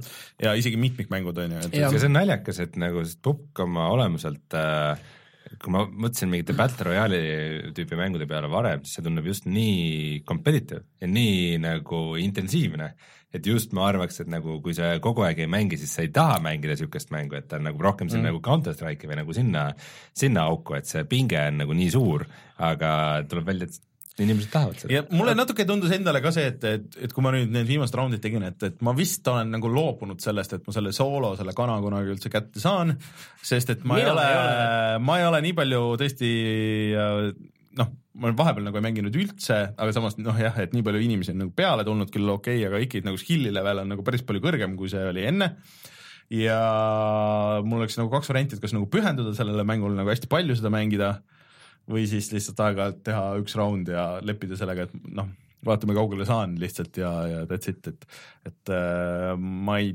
tea, kas ma enam teda nagu nüüd üldse nii palju viitsin mängida, kui, kui siin mingi vahe. No me peame, kui, kuna nüüd on olukord, kus me kõik kolmsada mängime, siis me peame ühe mängu tegema, kus me seal koos oleme. vaatame. keeruline, vaatame. nii, aga Rein, sinu number üks, kas me võime sama jutuga edasi minna? jah, me võime sama jutuga edasi minna, Reinu aasta mäng kaks tuhat seitseteist on Player Unknown's Battlegrounds. mis sul lisada on siia veel? no mul on nii mõndagi lisada, lihtsalt äh, no ma arvan, et äh, Pupk natukene tõuseb kaugemale kui Reinu aasta mäng kaks tuhat seitseteist, et nagu me rääkisime, siis nagu ongi tänu sellele mängule tulnud niisugune Battle Royale'i aasta ja ja minu jaoks ma arvan, no esiteks mul ei ole kunagi vist läinud mängu mängides pulss nii kõrgele siis, kui ma olen top kümnes pubgis, siis ma ikka kuulen äh, kõrvus sageli mingit äh, võtab kohi, kolkimist. kohisema võtab jah, Võtab. mul võiks ükskord ka kohisema tead. jah, et äh, see, see pinge nagu seal tipus olla või siis esimeseks tulla on ikka, see on ikka päris, päris crazy. ja teine asi, mis, mis ma nagu märkasin, oli see, et kui ma mängisin seda uut Call of Duty't, mis ei ole üldse halb, World War kaks ei ole üldse halb mäng, ei ole üldse halb Call of Duty, siis ma lihtsalt ei viitsinud, see oli niivõrd igav nagu see, et sa mingis deathmatch'is jooksed ringi ratast ja kas saad killi või ei saa, mitte mingit vahet seal ei ole, kas sa saad kohe surma või sa jõuad kaks-kolm tüüpi enne radappa, see on nagu Deathmatch on nagu. suhteliselt äh, surnud formaat, vähemalt minu jaoks nagu tähendab mitte just võib-olla niisama, aga sellise mm, põnevuse mõttes, et näiteks Counter Strike'is on ka deathmatch, aga seda mängivad inimesed üldiselt sellepärast, et põhimänguks äh, sooja teha lihtsalt, lihtsalt, soojaks, et nad saavadki hästi ruttu nagu kiireid kogemusi. seal on, kas äh, sul on tänu deathmatch'ile on mingi või deathmatch'is on mingisugune progressioon, mis hoiab sind või või siis on kuidagi mingi täiesti teine asi peab seal olema, et, et sa viitsiks seda mängida? aga noh, tänu sellele ma tunnen, et ma ka elu sees ei viitsi mängida mingit uust, uut Destiny't näiteks või nagu mingit sellist asja aga need on ka teised asjad. no on teine mäng, aga see ongi see, et kuidagi sul peab olema sellises mängus mingi pinge sees. sellises äh, shooter'is sul, sul peab olema see, et sa nagu kardad kaotada või, või noh, mulle on nagu viimastel aastatel väga palju meeldinud rogu-like mängud mm -hmm. ja Pupk on ka põhimõtteliselt on ju rogu-like. see, see on see, et sa investeerid enda tegevust, tegevusse ja siis sa ei taha seda investeeringut no, kaotada ja hoiad sellest kümne küünega kinni. võib-olla see Destiny oli nüüd halb näide muidugi siia, sest et Destiny on just täpselt see, et eriti kui sa oled tiimiga ja keegi saab surma ja siis ülejäänud tiim saab ka sinu pärast surma ja et see, no see on raidi wipe, see on nagu teine teema, aga mm, igatahes, et Pupk on nagu mitut asja teinud hästi, millele nad ilmselt võlgnevad oma edu, et äh, aga üks, mida ma nagu kõige rohkem toonitaks kuidagi, on see, et äh, tundub, et see Player Unknown siis, Brendan Cleese või mis iganes ta nimi oli, midagi sellist, et äh, et tema on niisugune tüüp, kes on nagu teinud, tahtnud teha nagu seda mängu, mida ta ise tahab mängida mm. -hmm. ja see on nagu lähenemine, mida minu meelest on tegelikult äh, mängu tegemises väga-väga-väga vähe. et äh, kõik need suured frantsiisid ja äh, need lähtuvad mingitest graafikutest ja mingitest äh, ma ei tea, mis äh, Turu-uuringutest. turu-uuringutest ja Exceli tabelitest ja nagu lõppkokkuvõttes keegi nagu täpselt aru ei saa, mis vaja on. fookusgrupid tehakse Ja- yeah., tehakse ja siis nad kümme teevad, sellist tüüpilist mängurit visatakse sinna sisse ja, ja siis on tulemus käes. aga mis see tulemus on alati, on see, et teeme mingi eelmise mängu uuesti. Teeme mingi, sul on vaja midagi öelda, mida nagu programmeerijad ja disainerid ja asjad nagu teevad ja siis sa lõpuks tood neile referentsiks mingisuguse eelmise mängu ja ja siis äh, tulemus on see, et nagu teeme sama asja uuesti veidi erinevas võtmes ja võib-olla isegi mitte seda, vaid lihtsalt natukene teistmoodi äh, disainitud, veidi mugavamaks ja lineaarsemaks tehtud, võib-olla teise graafilise sa võib-olla praegu nüüd natuke ma üldistan üle, ma te teadlikult üldistan üle, aga ma üritan nagu ilmestada seda miks ma arvan, et see pupk nagu väärib veel erilist pjedestaalile tõstmist lisaks sellele, et ta on nagu tohutult edukas. sest et äh, Pupk tegelikult äh, sai ka ju alguse teistest siukestest, noh mm, Mhm. -hmm. ta ei olnud esimene, kes tegi seda Battle Royale'i nagu laadi ja see ei olnud isegi esimene, mida seesama mees tegi. ja, ja, aga nagu- noh, vot see oligi, et äh, see PlayerUnknown oli ka, ta oli nagu konsultandina vaata ka seal mm. King of the Killis ja nagu nendel asjadel juures ja, aga ta nagu kunagi tulnud, et ta saaks seda õiget, seda asja teha, et ta alati tegi, pidi mingisuguseid järeleandmisi tegema nagu, sest et äh, stuudiod tahtsid teha nagu ikkagi noh, sedasama mängu uuesti, mis on varem tehtud, et nad ei tahtnud liiga oma mugavustsoonist välja minna. et ähm, siis äh, ma tunnen, et äh, Pupkil nagu see asi õnnestus, pluss mulle lihtsalt, lihtsalt äh, väga meeldib see, kui sul mängus on ikkagi nagu noh, see, et sa saad veidike piiluda ja sa saad maas lamada ja, ja kükitada ja nagu see nagu lisab realismi mm. ja nii kui seda kõik realismi need asjad, mida Fortnite'is ei ole. jah, et äh, ma ei tea, inimesed tahavad Kükitada ikkagi kui see on realistlik stiil, siis inimesed tahavad nagu teatud, teatud realismi Äh, see muidugi on päris badass nüüd, kui sa sealt aknast sisse lendad kuskile nagu läbi akna, püssiga see, kas õnnestub ma olin selles ühes majas just hiljuti, kus keegi hüppas kuskile sisse ja ma isegi ei saanud aru, kaks maja olid täiesti kõrvuti ja ma ei teadnud, kas ta hüppas nüüd sellesse, kus mina olen või sinna kõrvale. ja kokkuvõttes ma ei teagi, kumba ta hüppas, võib-olla ta hüppas kohe sealt aknast tagasi välja. aga sa ehmatasid, sa ehmatasid nii jubedalt, maha. et äh, viskasid granaadi maha ja lasid ennast õhku. ei, ei aga omaette teaduseks on nüüd mängus saanud ju ka see, et äh, kas klaas on terve või mitte. Sest et Aa. vaata niisugune kerge see määrdumine on, mida sa mm näed nagu seal klaasi peal, eks. ja see ongi see, et ah, ma nüüd tahaks majja sisse joosta, seal võib keegi olla, aga ma tahan seda vaikselt teha, ma ei taha, et see klaasikirin nagu kõigile kuulda oleks kaugele. siis nagu ongi hullult täpselt seal vaatad nurka, vaatad, kas siit saab või ei. Igatahes äh, väga veider fenomen, aga, aga. ma mäletan, et sa alguses ei tahtnud mängida seda üldse, mina ja, hakkasin esimesena mängima seda, mis on nagu veider nagu selliste mängude puhul. täiesti võimalik, et, et, et, et sellised mängud nagu sageli tunduvad liiga hardcore'id minu jaoks või et selleks, et seal üldse nagu competitive olla, sa pead nagu õppima kõiki relvi tundma ja saama aru, millal kasutada ühte ja teist, aga. aga see on niivõrd. niisugune mäng, et sa võid sinna sisse minna, lihtsalt fun ida, mitte midagi ei juhtu ja. ja see on niivõrd palju. ja kova peale võib päris kaugele. Strateegilisem ka niivõrd palju rohkem kui näiteks sellised äh, kiiretele, noh, kus on reaktsioon palju olulisem mm. nagu seesama Rainbow Six Siege või Counter Strike, mis on ikka väga sellised äh, mingi noh, põhimõtteliselt nad on ka samamoodi strateegilised mm -hmm. esimeses faasis, aga kui lõpuks sa oled ikkagi äh, äh, üksteisega olete vastamisi ühel hetkel, siis on see, et kumb nüüd selle headshot'i lihtsalt esimesena saab et äh, lihtsalt kehasse lasust sel hetkel enam ei piisa mm., sest see teine teeb selle lasu ära lihtsalt. aga noh, pubgis sa saad nii palju strateegiaga päästa ja seda, seda, et sul enam ei ole neid e-sportlase reflekse, et seda saad nagu päästa strateegiaga mm -hmm. oluliselt rohkem. ja samas peab ära mainima ka, et pubg on ikkagi mitte nii hull kui enne, aga ta on ikkagi päris paljudes asjades suht katki nagu, et ähm, et kindlasti ei ole perfektne mäng. Eh, see, et ta nüüd üks-null on, et see kindlasti ei tähenda, et ühtegi viga seal sees on, et neid vigu on ikka palju. kohati aga... näeb ikka kole välja ka, et need tekstuurid lihtsalt, lihtsalt nagu, uues, uues kaardis. ega see, et kui sa alguses saared sinna lennukisse lähed ja siis sa kuuled seda häält, kui kõik nagu pff, korraga nagu spoonitakse sinna istmetele ja nagu hõljuvad õhus enne seda ja osadel, et seda enam ei ole, et osad põlevad nagu lennukis edasi, et Need on kohati, kohati nagu need vead on nagu naljakad, aga kohati need lihtsalt käivad närvida, vaata vahest lihtsalt need tekstuurid ei load'i ära. et sa, sa mängid ja sa harjud ära sellega. Ja, ja siis, kui sa värske pilguga nagu esimest korda vaatad, siis nagu mis asja? Mis, mis see on see, see on see ülipopulaarne, üliedukas mäng, millest kõik räägivad, see on mingi mm. täiesti jubedus ju. aga see jah, need mehaanikad seal taga on enamasti ikkagi solidid. Aga siis äh, Martin, sinu number üks. Minu number üks, Counter Strike äh, Global Offensive oli siis mäng, mida ma sel aastal kõige rohkem mängisin, aga mida ma ei saa endale esimeseks panna. Pole selle aasta mäng.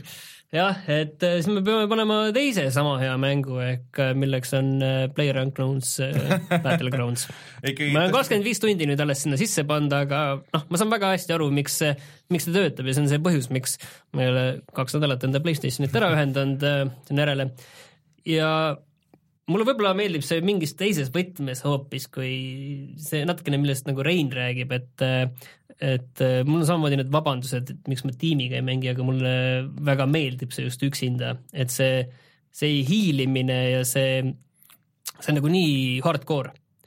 Ja pärast kahtekümmet viite tundi, et sellistes mängudes on nagu selline asi nagu selline ingliskeelne termin on game sense, aga mis on siis nii-öelda mängu tunnetamine. Mm, -hmm. et noh, kus sa põhimõtteliselt peas käid läbi kõik variandid, mis saab nagu mängus juhtuda järgmisel hetkel.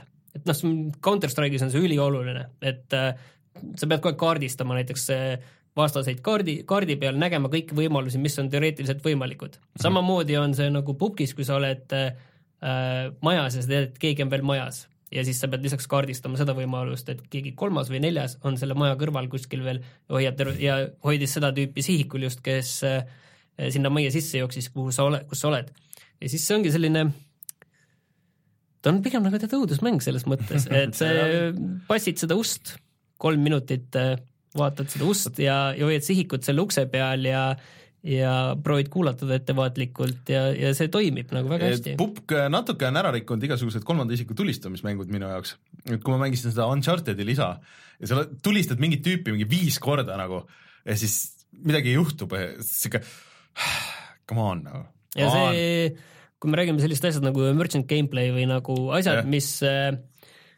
mängudes juhtuvad nagu täiesti nagu suvaliselt või kuidagi juhtuvad. orgaaniliselt. orgaaniliselt lood, mis äh, tekivad nii, et nad põhimõtteliselt neid mängu äh, arendajad ei ole sellisena mõelnud, aga nad tekivad ja lihtsalt mm., kus olete ühe tüübiga väljal ja see ring tõmbub kokku mm. -hmm. sa näed, et ta sõidab äh, viimase mootorrattaga ära, mis seal oli just ja sõidab sellega ära. sul on võimalus talle veel mõned kuulid järele lasta ja neetud ta ei äh,, äh, ei saa pihta. ja jooksed, siis proovid selle ringi eest, ta sõidab mootorrattaga kuskile mäe otsa ära kaob. ja siis äh, sa oh, pagi, siinsamas ring tuleb täpselt, jõuan selle pagiga veel ringist välja sõita, sõidan sinnasamasse mäe otsa järele. See tüüp oli nii visa, et ootas mind seal mäe otsas, ma nägin teda ja, ja ma olin pagiga ja ta andis tuld mulle, ainuke võimalus sellest tüübist üle sõita. et äh, mingi korraliku automaadiga annab tuld ja sõidan tast üle. aga ma hüppasin tast üle ja hüppasin üle ja tüüp andis valangut edasi mulle, kui ma hüppasin tast tappis mul selle hüppe peal ära, onju. et ja see kõik nagu minuti jooksul lihtsalt kuidagi lihtsalt tekkis selline, selline olukord, mis jäi meelde, väga hästi mõjus, tõmbas, tõmbas vererõhuga kõrgemale.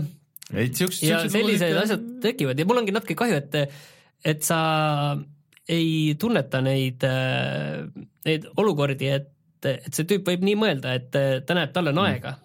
et see ring juba läks ammu mööda, tüüp veel äh, Äh, mu laiba küljest võttis vajalikke juppe, tal oli suva ja ma nägin pärast Deathcampist oli see mootorratas ilusti seal kõrvas, hüppas mootorratta peale, pani ajama edasi ja, ja läks. kusjuures see on nüüd see uus, see, see Deathcam, see on küll lõbus. see on väga, ta ei ole lõbus, aga ta on õppimismaterjal selline. aga, ja teine asi, mis ma vaatasin, mis, mis asi on one person squad? sa saad squad'ide mängu vastu mängida üksinda, ma saan aru niiviisi äh,. okei okay., et sa lähed nagu neljas, neljas, et teised on neljaste skuadidega. ja korraliku Rambo tahad olla. huvitav, kas see on see siis, et ma ei tea, mis see eelis nagu seal. ei, sul ei olegi eelist, see ongi eelist. see point, et sul okay. ei ole mingit eelist, sa oled üksik hunt.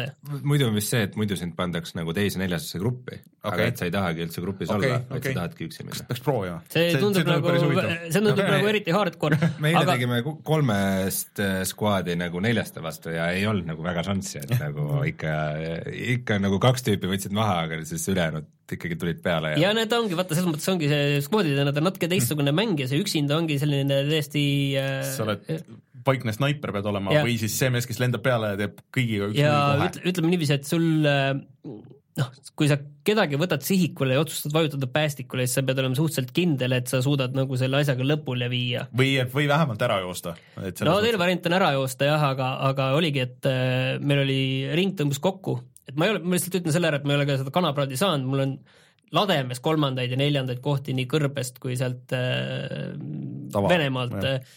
ja olin ka kuskil heina mingi juraka taga seal kõrbes. Mm, heina palli, palli ja heinakuhja taga. ja ma näen, üks tüüp jookseb sinna üle, ring on ju täiesti kokku tõmbunud, äh, seal ma sain vist lõpuks kuuenda koha, aga, aga oligi, et noh, ma ei saa, saa nagu, ma ei ole kindel, et ma saan, saan maha, et okei okay,, siis ma lasin tal teise heinakuhja taha minna, ta ei näe mind, ma laman sealsamas kõrval. ja siis äh,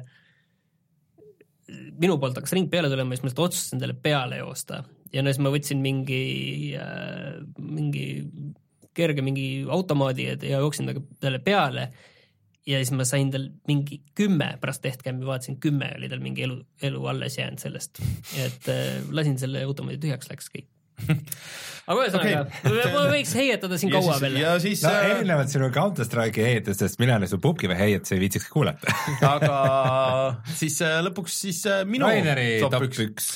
no ega selles mõttes ei ole ka mingi üllatus, ehk siis minu top üks mäng ikkagi on uh, The Legend of Zelda Breath of the Wild ja.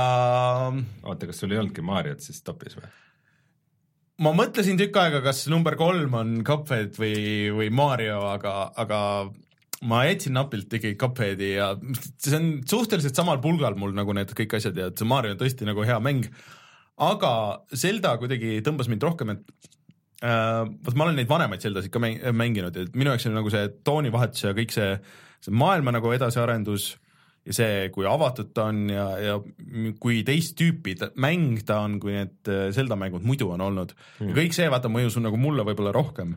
ja anyways, et noh, see, mis sind häiris, et see maailm on nagu liiga helge bla, bla, blablabla ja võib-olla liiga anime, et see on see, mida ma kohati võib-olla isegi nagu otsin nagu mängudest, vaata, et, et mulle nagu see sobis väga hästi. ei, helgus, maailma helgus mulle meeldis, sellega ma olin väga okei. Okay.. et äh, ja noh, et see lugu nagu noh, okei okay,, et see lugu nagu ei olnud palju, aga mulle see nii-öelda premise, vaata, et see on nagu kaks eri asja, on ju, et see, see üks asi, mis noh, see kõige see overall, et, et, et Zelda on nagu olnud vaata vangis ja sada aastat nagu võidelnud selle Canoniga, see kuidagi tundub nagu siuke väga hea eepiline nagu setup nagu kõigile sellele, et mis nagu juhtub.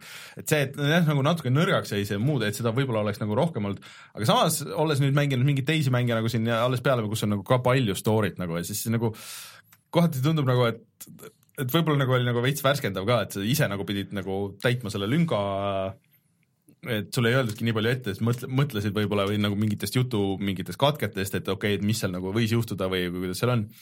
et äh, et mulle nagu see kõik nagu isegi nagu meeldis. aga no seal nagu vigu oli igasuguseid ja veits, veits käis närvidele see, et noh, vot seda vihma nagu natuke oli võib-olla liiga palju ja siis tüütu ja sa ei saanud nagu midagi nagu kiirelt kuidagi nagu reageerida sellele, et et, et saaks ronida või et jõuad kuskile, siis ainuke variant on passida nagu ja sa ei saa vihmast tuld ka teha ja siis ja kohati jah, need tehnilised asjad, et noh, et, et ta jooksis nagu võib-olla nagu viletsamalt kui võiks, aga aga üleüldiselt kogu see maailma ülesehitus ja see, et sa lihtsalt käid ringi ja igal pool nagu on nagu tegelikult nagu midagi teha. Ja, ja kui sa siin ei saa hakkama, siis sa lähed kuskile nagu mujale ja juhtub asju, et, et äh, kahjuks vist need äh, lisapakid ei olnud nagu väga head mm.. aga ma ikkagi ka, tahaks nagu selle ära osta ja tšekkida nagu seda asja puhtalt, et äh, minna natuke käia ringi seal, kus ma ei ole üldse käinud. Mm.. et äh, isegi Sten, kes oli mänginud äh, mingi sada tundi midagi ja siis ütles, et noh, et tegelikult näed, et okei okay,, ma siin osas näiteks kaardi osas ma ei ole üldse kunagi käinud et lähed vaatad nagu, mis seal on või mis seal on, et kui ma lõpus, kui ma olen läbi teinud, äh, siis ma võtsin viimase seivi mm, -hmm. jooksin sealt lõpubossi juurest välja -hmm. ja siis niimoodi avastasin nagu mm, -hmm. põhimõtteliselt ma käisin kõik maakonnad ära ja ma vist kõik tornid nagu avastasin ära. ma tegin kõik tornid tegin kõigepealt, äh, tegin lahti okay. ja siis nende vahel sai fast travel ida, siis äh, oli hea. ja lihtsalt mingite äärealadele polnud väga vaja minna, vaata, et siis. et äh, lõppkokkuvõttes lihtsalt jätsid nagu nii hea mulje ja kogu see maailm nagu mulle nii hullult meeldis, et äh, et äh, mul on kahju, et nad ei teinud mingisugust nagu mõnusat New Game plussi nagu sinna hoopis, et, et see, jätsid nagu nii lollid ära lõpus. mõtlesin ju praegu, mul tekkis huvi, et äh, kui vaata Marios äh, nii sellest 3D Landist mm -hmm. kui ka Odyssey'st sa oled rääkinud justkui seal nagu nagu see teine, teine tase tuleb, et kui sa teete korra ja. läbi ja siis nagu alles hakkab ja. see õige värk pihta, et nagu Zeldast niisugust nagu teist taset see on imelik, et äh, oleks võinud nagu midagi olla või kuidagi nagu selle paremini lahendada, aga nüüd ma just Marios olengi ja nüüd avanevad need uued, need raskemad levelid, mis on nagu niisugune, et ah, lihtsalt teed ka mingi mitu tundi mingit ühte levelit. mingi hard mode oli ju Zeldas see nüüd tuli selle uuega ka jah, aga et see on pigem, et sul veel kiiremini lähevad relvad katki ja bossidel on veel rohkem või äh, kõigil vastastel on nagu veel rohkem elusid ja noh, nagu selles mõttes, et okay, ma ei tea, kas see on see hard mode, mida sellel mängul vaja on. Et, äh, et nagiseda saaks nagu küll, aga lihtsalt tervikuna mulle see nii väga nagu meeldis ja kõik see muusika kasutus, noh, see mõne, mõndade asjade sihuke minimalism, mis mõnes teises mängus nagu, vaata Horizon Zero Dawn on nagu nii palju paralleelne mäng ja mõned ütlesid, et oh, see on nagu nii palju parem mäng. tal ei ole nagu seda kuidagi seda seda võlu või noh, nagu seda, seda šarmi, mis, mis Zeldal nagu minu meelest on või siukest isikupära mm., et tal on küll noh, sihuke päris omapärane tegelane ja nagu dinosaurusrobotid on nagu päris tuusad, aga kui sul nagu seal ümber nagu väga ei ole vaata midagi, loost võib-olla nagu nii palju ei hooli, et sa saad aru, et okei okay,, et siin kunagi mingi maailm midagi juhtus ja siis noh, et, et Zeldas nagu lihtsalt see ringi liikumine seal maailmas juba iseenesest on nagu, on nagu äge, et, et seda see on niisugune asi, mis, mis mind nagu tõmbab nagu mängude juures üldse, et et miks mulle ka Mario väga meeldib, et lihtsalt tuimalt see ja, ja Cuphead lihtsalt seal maailmas ringi liikuda lihtsalt niisama äge ja sama tegelikult nagu nii palju puhttehniliselt, kui katki see puhk nagu on, siis seal on ka see, et, et sul on see pinge nagu olemas, et sul on seal maailmas on nagu noh, seal on küll väga ohtlik nagu, aga, aga selles mõttes, et sul on nagu vähemalt põnev ja nagu äge nagu olla, et seal küll ei ole nagu midagi, aga seal on äh, olemas kõik, mis on vajalik, võib-olla mul isegi nagu natuke käib närvidele nüüd, kui selles uues kaardis on äh, kohati on mingid äh, linnud ja mingid liblikad ja mingisugused siuksed asjad on nagu paaris kohas olnud, need tekitavad segadust, et oh, mingi asi liigutas, see peab olema vastane. aa, okei okay,, et ei ole, mingi prügi lendab või siuke jaa, ma ma ei usalda sind, Prügi. ma ei usalda sind. et äh, jah, Zelda siiski on, ma arvan, et kõige parem mäng, mis ma olen mänginud sellel aastal. huvitav. aga siis äh, lisakategooria teeme, võtame, võtame jooksvalt äh, kiiresti Rein, Rein. ma ootasin see aasta, et äh, sul, kas see VR on sul lisakategooria või on juba nüüd päris topis, aga ei olnud, ma näen. Äh, ma mõtlesin selle peale, et nagu peaks eraldi VR-mängu välja valima või midagi, aga mulle tundus, et äh, neid, neid häid mänge on olnud, ma olen nendest rääkinud saates piisavalt ja neid kajastanud ja ja see läheks lihtsalt natukene kordamiseks, et midagi, midagi nii jõhkralt nagu minu jaoks välja ei paistnud, et noh, samas ma Fallouti ja LA Noiri näiteks ei ole veel praktiliselt üldse mänginud või noh, natukene, et, et võib-olla sealt veel tuleb mingi üllatus või Lone Echo on mul veel lä- läbi tegemata. Ja et mulle tundub, et selles VR-i osas äh, ma praegu eraldi kategooriat ei lajata, et äh, hoopis eriauhinna, mis ma annan, on äh,, on äh, nostalgialaks. äh, milleks äh, oli minu jaoks väga ere elamus, oli äh, World of Warcraft. Äh, Elysiumi serveris. Äh,, mis äh, siis see, see, et need välja kuulutati siis nüüd äh, sügisel ka see äh, World of Warcraft äh, Classic Servers näitab, et äh, ma ei ole ma ei ole ainus, kes niimoodi mõtleb ja väga, väga paljusid inimesi puudutas see, see mäng ja äh, tuletas meelde midagi, mida nad arvasid, et enam ei eksisteeri. et ähm, World of Warcraft äh, nagu aastal kaks tuhat seitseteist äh, nagu niisama mm, ma arvan, et ma mängiks seda, aga ta ei ole kindlasti enam see mäng, mis mis ta kunagi oli, et äh, see nagu robustsus või siis ka šarm, mis sellel maailmal oli mm., see maailm oli nagu nii suur ja põnev ja ja üks kui- esimesi ikkagi nagu, mis tegi seda. no eks see oli ka enne mäng, enne erinevaid MMO-sid ja ta oli, ta oli esimene edulugu, mis pani nagu käima selle mm. MMO hulluse, aga, aga just äh, ka see, kui hästi see, see sotsiaalsus oli sinna nagu kuidagi sisse kätkitud mm, -hmm. et sa pidid nagu suhtlema teiste mängijatega ja, ja omavahel kauplema ja nagu mingisse, mingisse dungeonisse koos minna, et gruppi kokku ajada, sa pidid ikka individuaalselt lähenema inimestele ja rääkima ja ja sealt võis nagu ainult jama tulla ja aga, aga see oli kuidagi nii isiklik äh, kogemus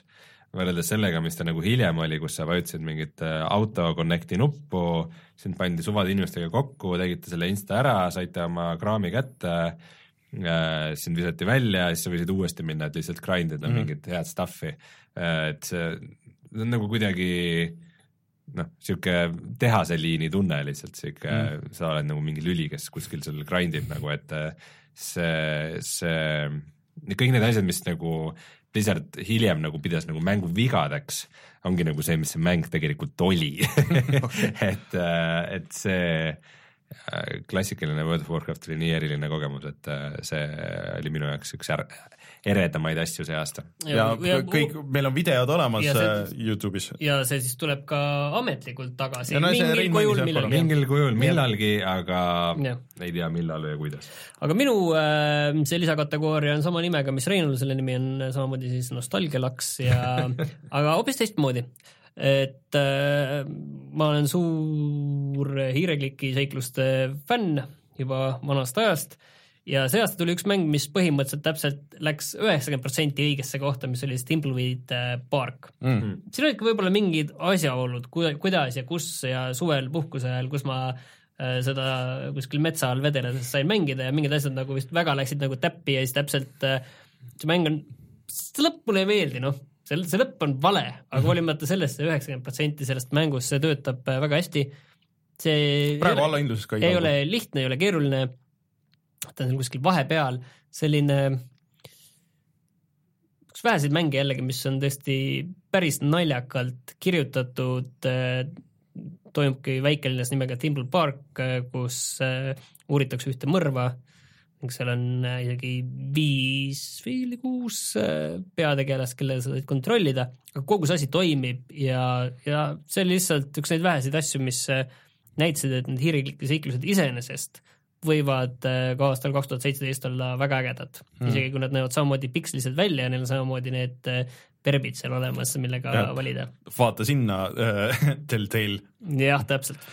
äh,. minu eriauhind äh, kui selline läheb sellel aastal Switch'ile sest et äh, lihtsalt ütleme nii, et, et kuni lõpuni, et okei okay,, et äh, ma olen alati olnud Nintendo poolt ja mul on olnud kõik need Nintendo konsoolid ja kõik need ja mulle on alati meeldinud Nintendo mängud sa oled Nintendoga koos nii heas kui halvas. jah, siis äh, ma olin ikkagi nagu lõpuni natuke ikka skeptiline nagu selles. nii Switch'is kui Wii U-s on ta äh, põhimõtteliselt ja et, et noh, kõik vaata see viimane see treiler, see, see katusepidu ja nagu siuke asi, vaata, et okei okay,, kas nad ikka saavad aru nagu, mis toimub, onju aga võib-olla ei saanud, aga võib-olla vedas. mulle tundub ka, et nad kuidagi midagi nagu tabasid, sest et arvestades, et see puht see füüsiline asi, osa sellest on nagu, tegelikult on väga solid nagu, et, et need puldid on äh, head ja kõik ta on, äh, reageerib hästi kiiresti. oluliselt parem kvaliteet igatpidi kui Wii U või Wii, see kvaliteet isegi selle aja kohta on isegi, nagu oluliselt kõrgem. jah, see telekas, see lülitamine toimub kiiresti ja kõik nagu see on, see on nagu fine,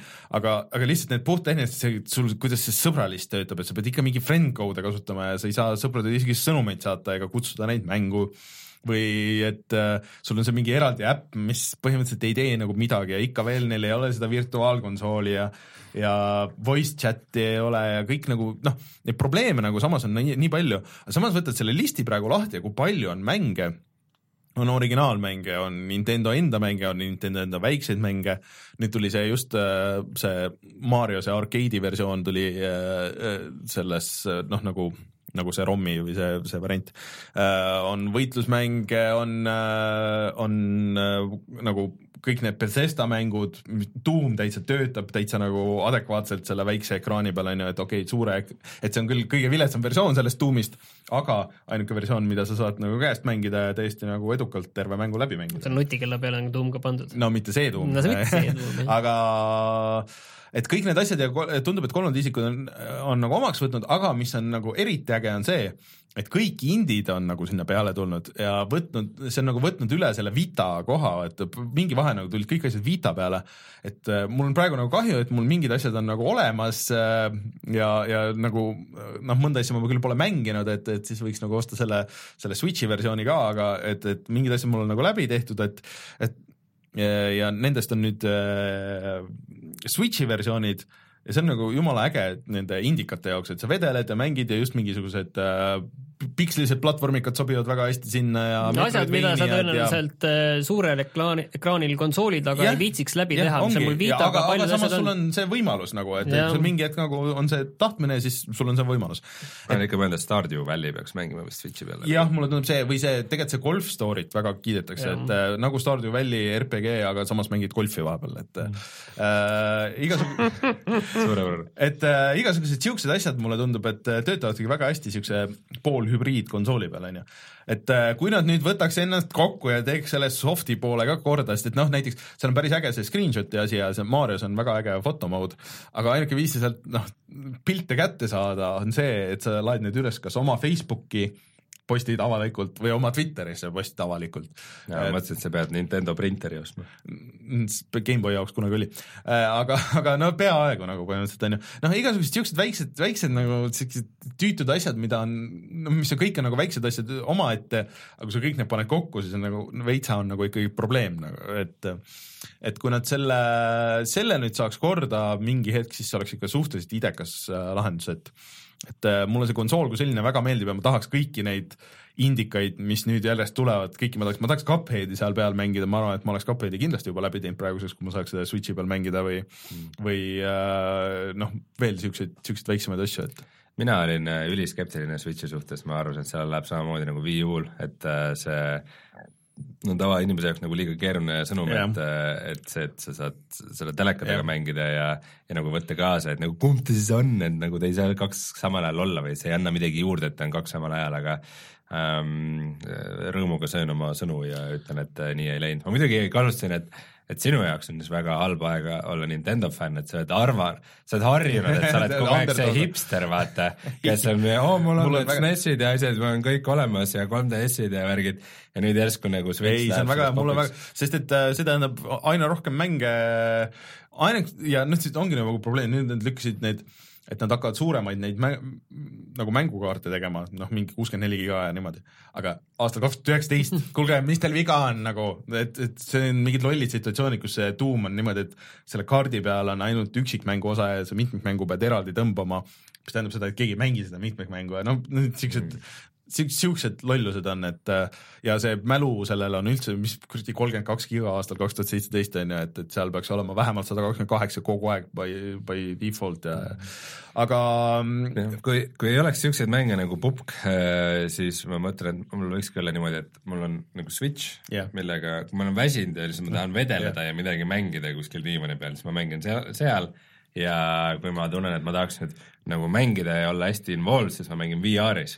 et siis ma just panen pähe ja pullid ja vehin ja hüppan ja möllan nagu, et mul on nagu kaks äärmust mm. -hmm. aga noh, seal vahepeal on lihtsalt nii palju häid mänge, et ei no juba see, et äh, FIFA tuli ja, ja, ja noh, see on tegelikult nagu näitaja mõnes mõttes ja see müüs vist päris hästi ja see versioon oli nagu täitsa okei okay. mm. -hmm. et äh, ma loodan, et järgmine aasta läheb nagu aina paremaks, et tegelikult mis on loll asi öelda, aga ma ootan, et nende Wii U ja Wii mängude porte tuleks et äh, kindlasti ma tahaks, et Mario Galaxy't tuleks, ma tahaks, et äh, minu arust see 3D Land võib tulla uuesti, Donkey Kongid võivad tulla kõik uuesti, Metroidid, palun andke kõik need siia.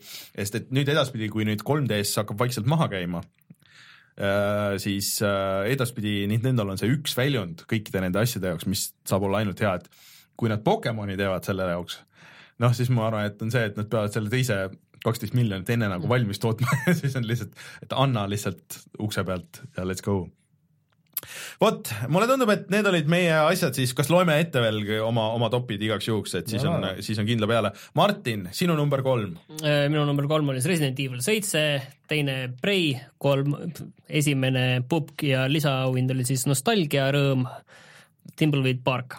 Rein minul oli kolmas Zelda Breath of the Wild, teine Divinity Original Sin kaks, esimene Player Unknown's Battlegrounds ja lisaauhind oli Nostalgialaks WoW World of Warcraft Elysiumile. ja mul number kolm oli Cuphead, number kaks oli Pukk ja number üks oli Zelda Breath of the Wild ja lisakategooria oli Nintendo Switch kui selline vot. Rainer, kas sa saad aru, et kaks kolmandikku meie top kolmest kattub või? Jah, ma mõtlesin ka selle peale. Polegi, ma isegi ei arvanud, et see päris niimoodi läheb. aga tuleme korra tagasi ja siis võtame selle saate ja aasta veel lõplikult kokku.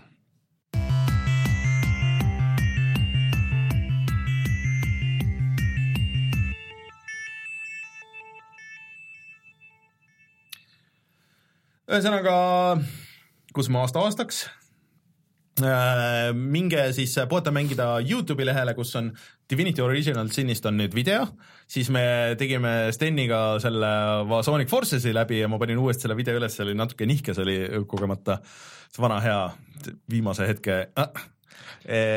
aga me tegime selle lolluse läbi see on ikka õudne kurb, mäng. kurb kuulda. aga me teeme ühe osa veel, sest et sellel oli üks tasuta lisapakk. aga see on ikka maksimaalselt halb mäng nagu, täitsa lõpp nagu ehm, ja siis äh, ilmselt on ka video või noh, selles mõttes, et äh, kui te kuulate audioversiooni, et siis on ka video sellest, et me hakkame nüüd mängima äh, ja teeme paar raundi, kuidas me jõuame äh,. Pupki ja, ja Fortnite'i proovime ka. ja kui jõuame, et vaata, vaatame, kuidas, kuidas meil läheb äh,. aitäh kõigile, kes meid kuulasid, kes meid aitasid, meie mm, chati tublid moderaatorid Martin Kauber ja Omar Talu ja siis äh, Martin, kes äh, paneb äh, meie igale Youtube'i videole siis ajakoodid, ajakoodid külge. see on väga tänuväärt töö, aitäh, et sa seda teed. siis ähm, mis meil veel, keda me veel saame tänada? Äh,? M-Kuubis selle aasta lõpu tabeli eest äh,, Sten level ühest ja level üks mängutöö ja kõiki nende kõiki saatekülalisi, et meil öeldi, et me valiks välja ka parima saatekülalise, aga ärme hakka seda, ärme hakka, ärme hakka tegema, et mu-. Et... ja mina tahaks tänada ka meie videode koostööpartnereid, kellega koos me oleme teinud vahvaid asju nagu Joosep Mänguväljast ja Oliver ja ja mu sõbrad, kes äh, on nõustunud äh, pubgis või Vobis äh, üles astuma. ja, ja ma lootsin küll, et see aasta on viimane, kus me saame öelda, et õnneks nüüd need GTA, kõik need asjad on ühel pool, aga õnneks peame ootama viie miljoni subscriber'ini, et see lisandunud GTA heist ära teha, aga eks me siis ootame. ja, ja. meiega kohtute siis äh, neljandal jaanuaril Jah. Eh, saade tuleb siis eh, viiendal reedel jah, et Jah. nel- neljandal otse ja siis me juba räägime kahe tuhande kaheksateistkümnendast aastast, et mida me sellest õnnetust aastast ootame, praegu tundub küll täiesti ei õnnestu. Praegu ei tea küll midagi, aga tegelikult seal on asju, aga kas nad Need, tulevad, mis see aasta on edasi lükatud, aga, aga mul isegi on- praegu hetkel seal midagi on asju aga eredat. kuidagi väga, Brett ei ole nagu seda Dead usku on vähe. aga aitäh, Martin ja Rein, aitäh kõigile kuulajatele-vaatajatele. mina olen Rainer, tšau. Tšau. Rein, kui sa Eestist ostad mänge, kus sa neid ostad? GameStar.ee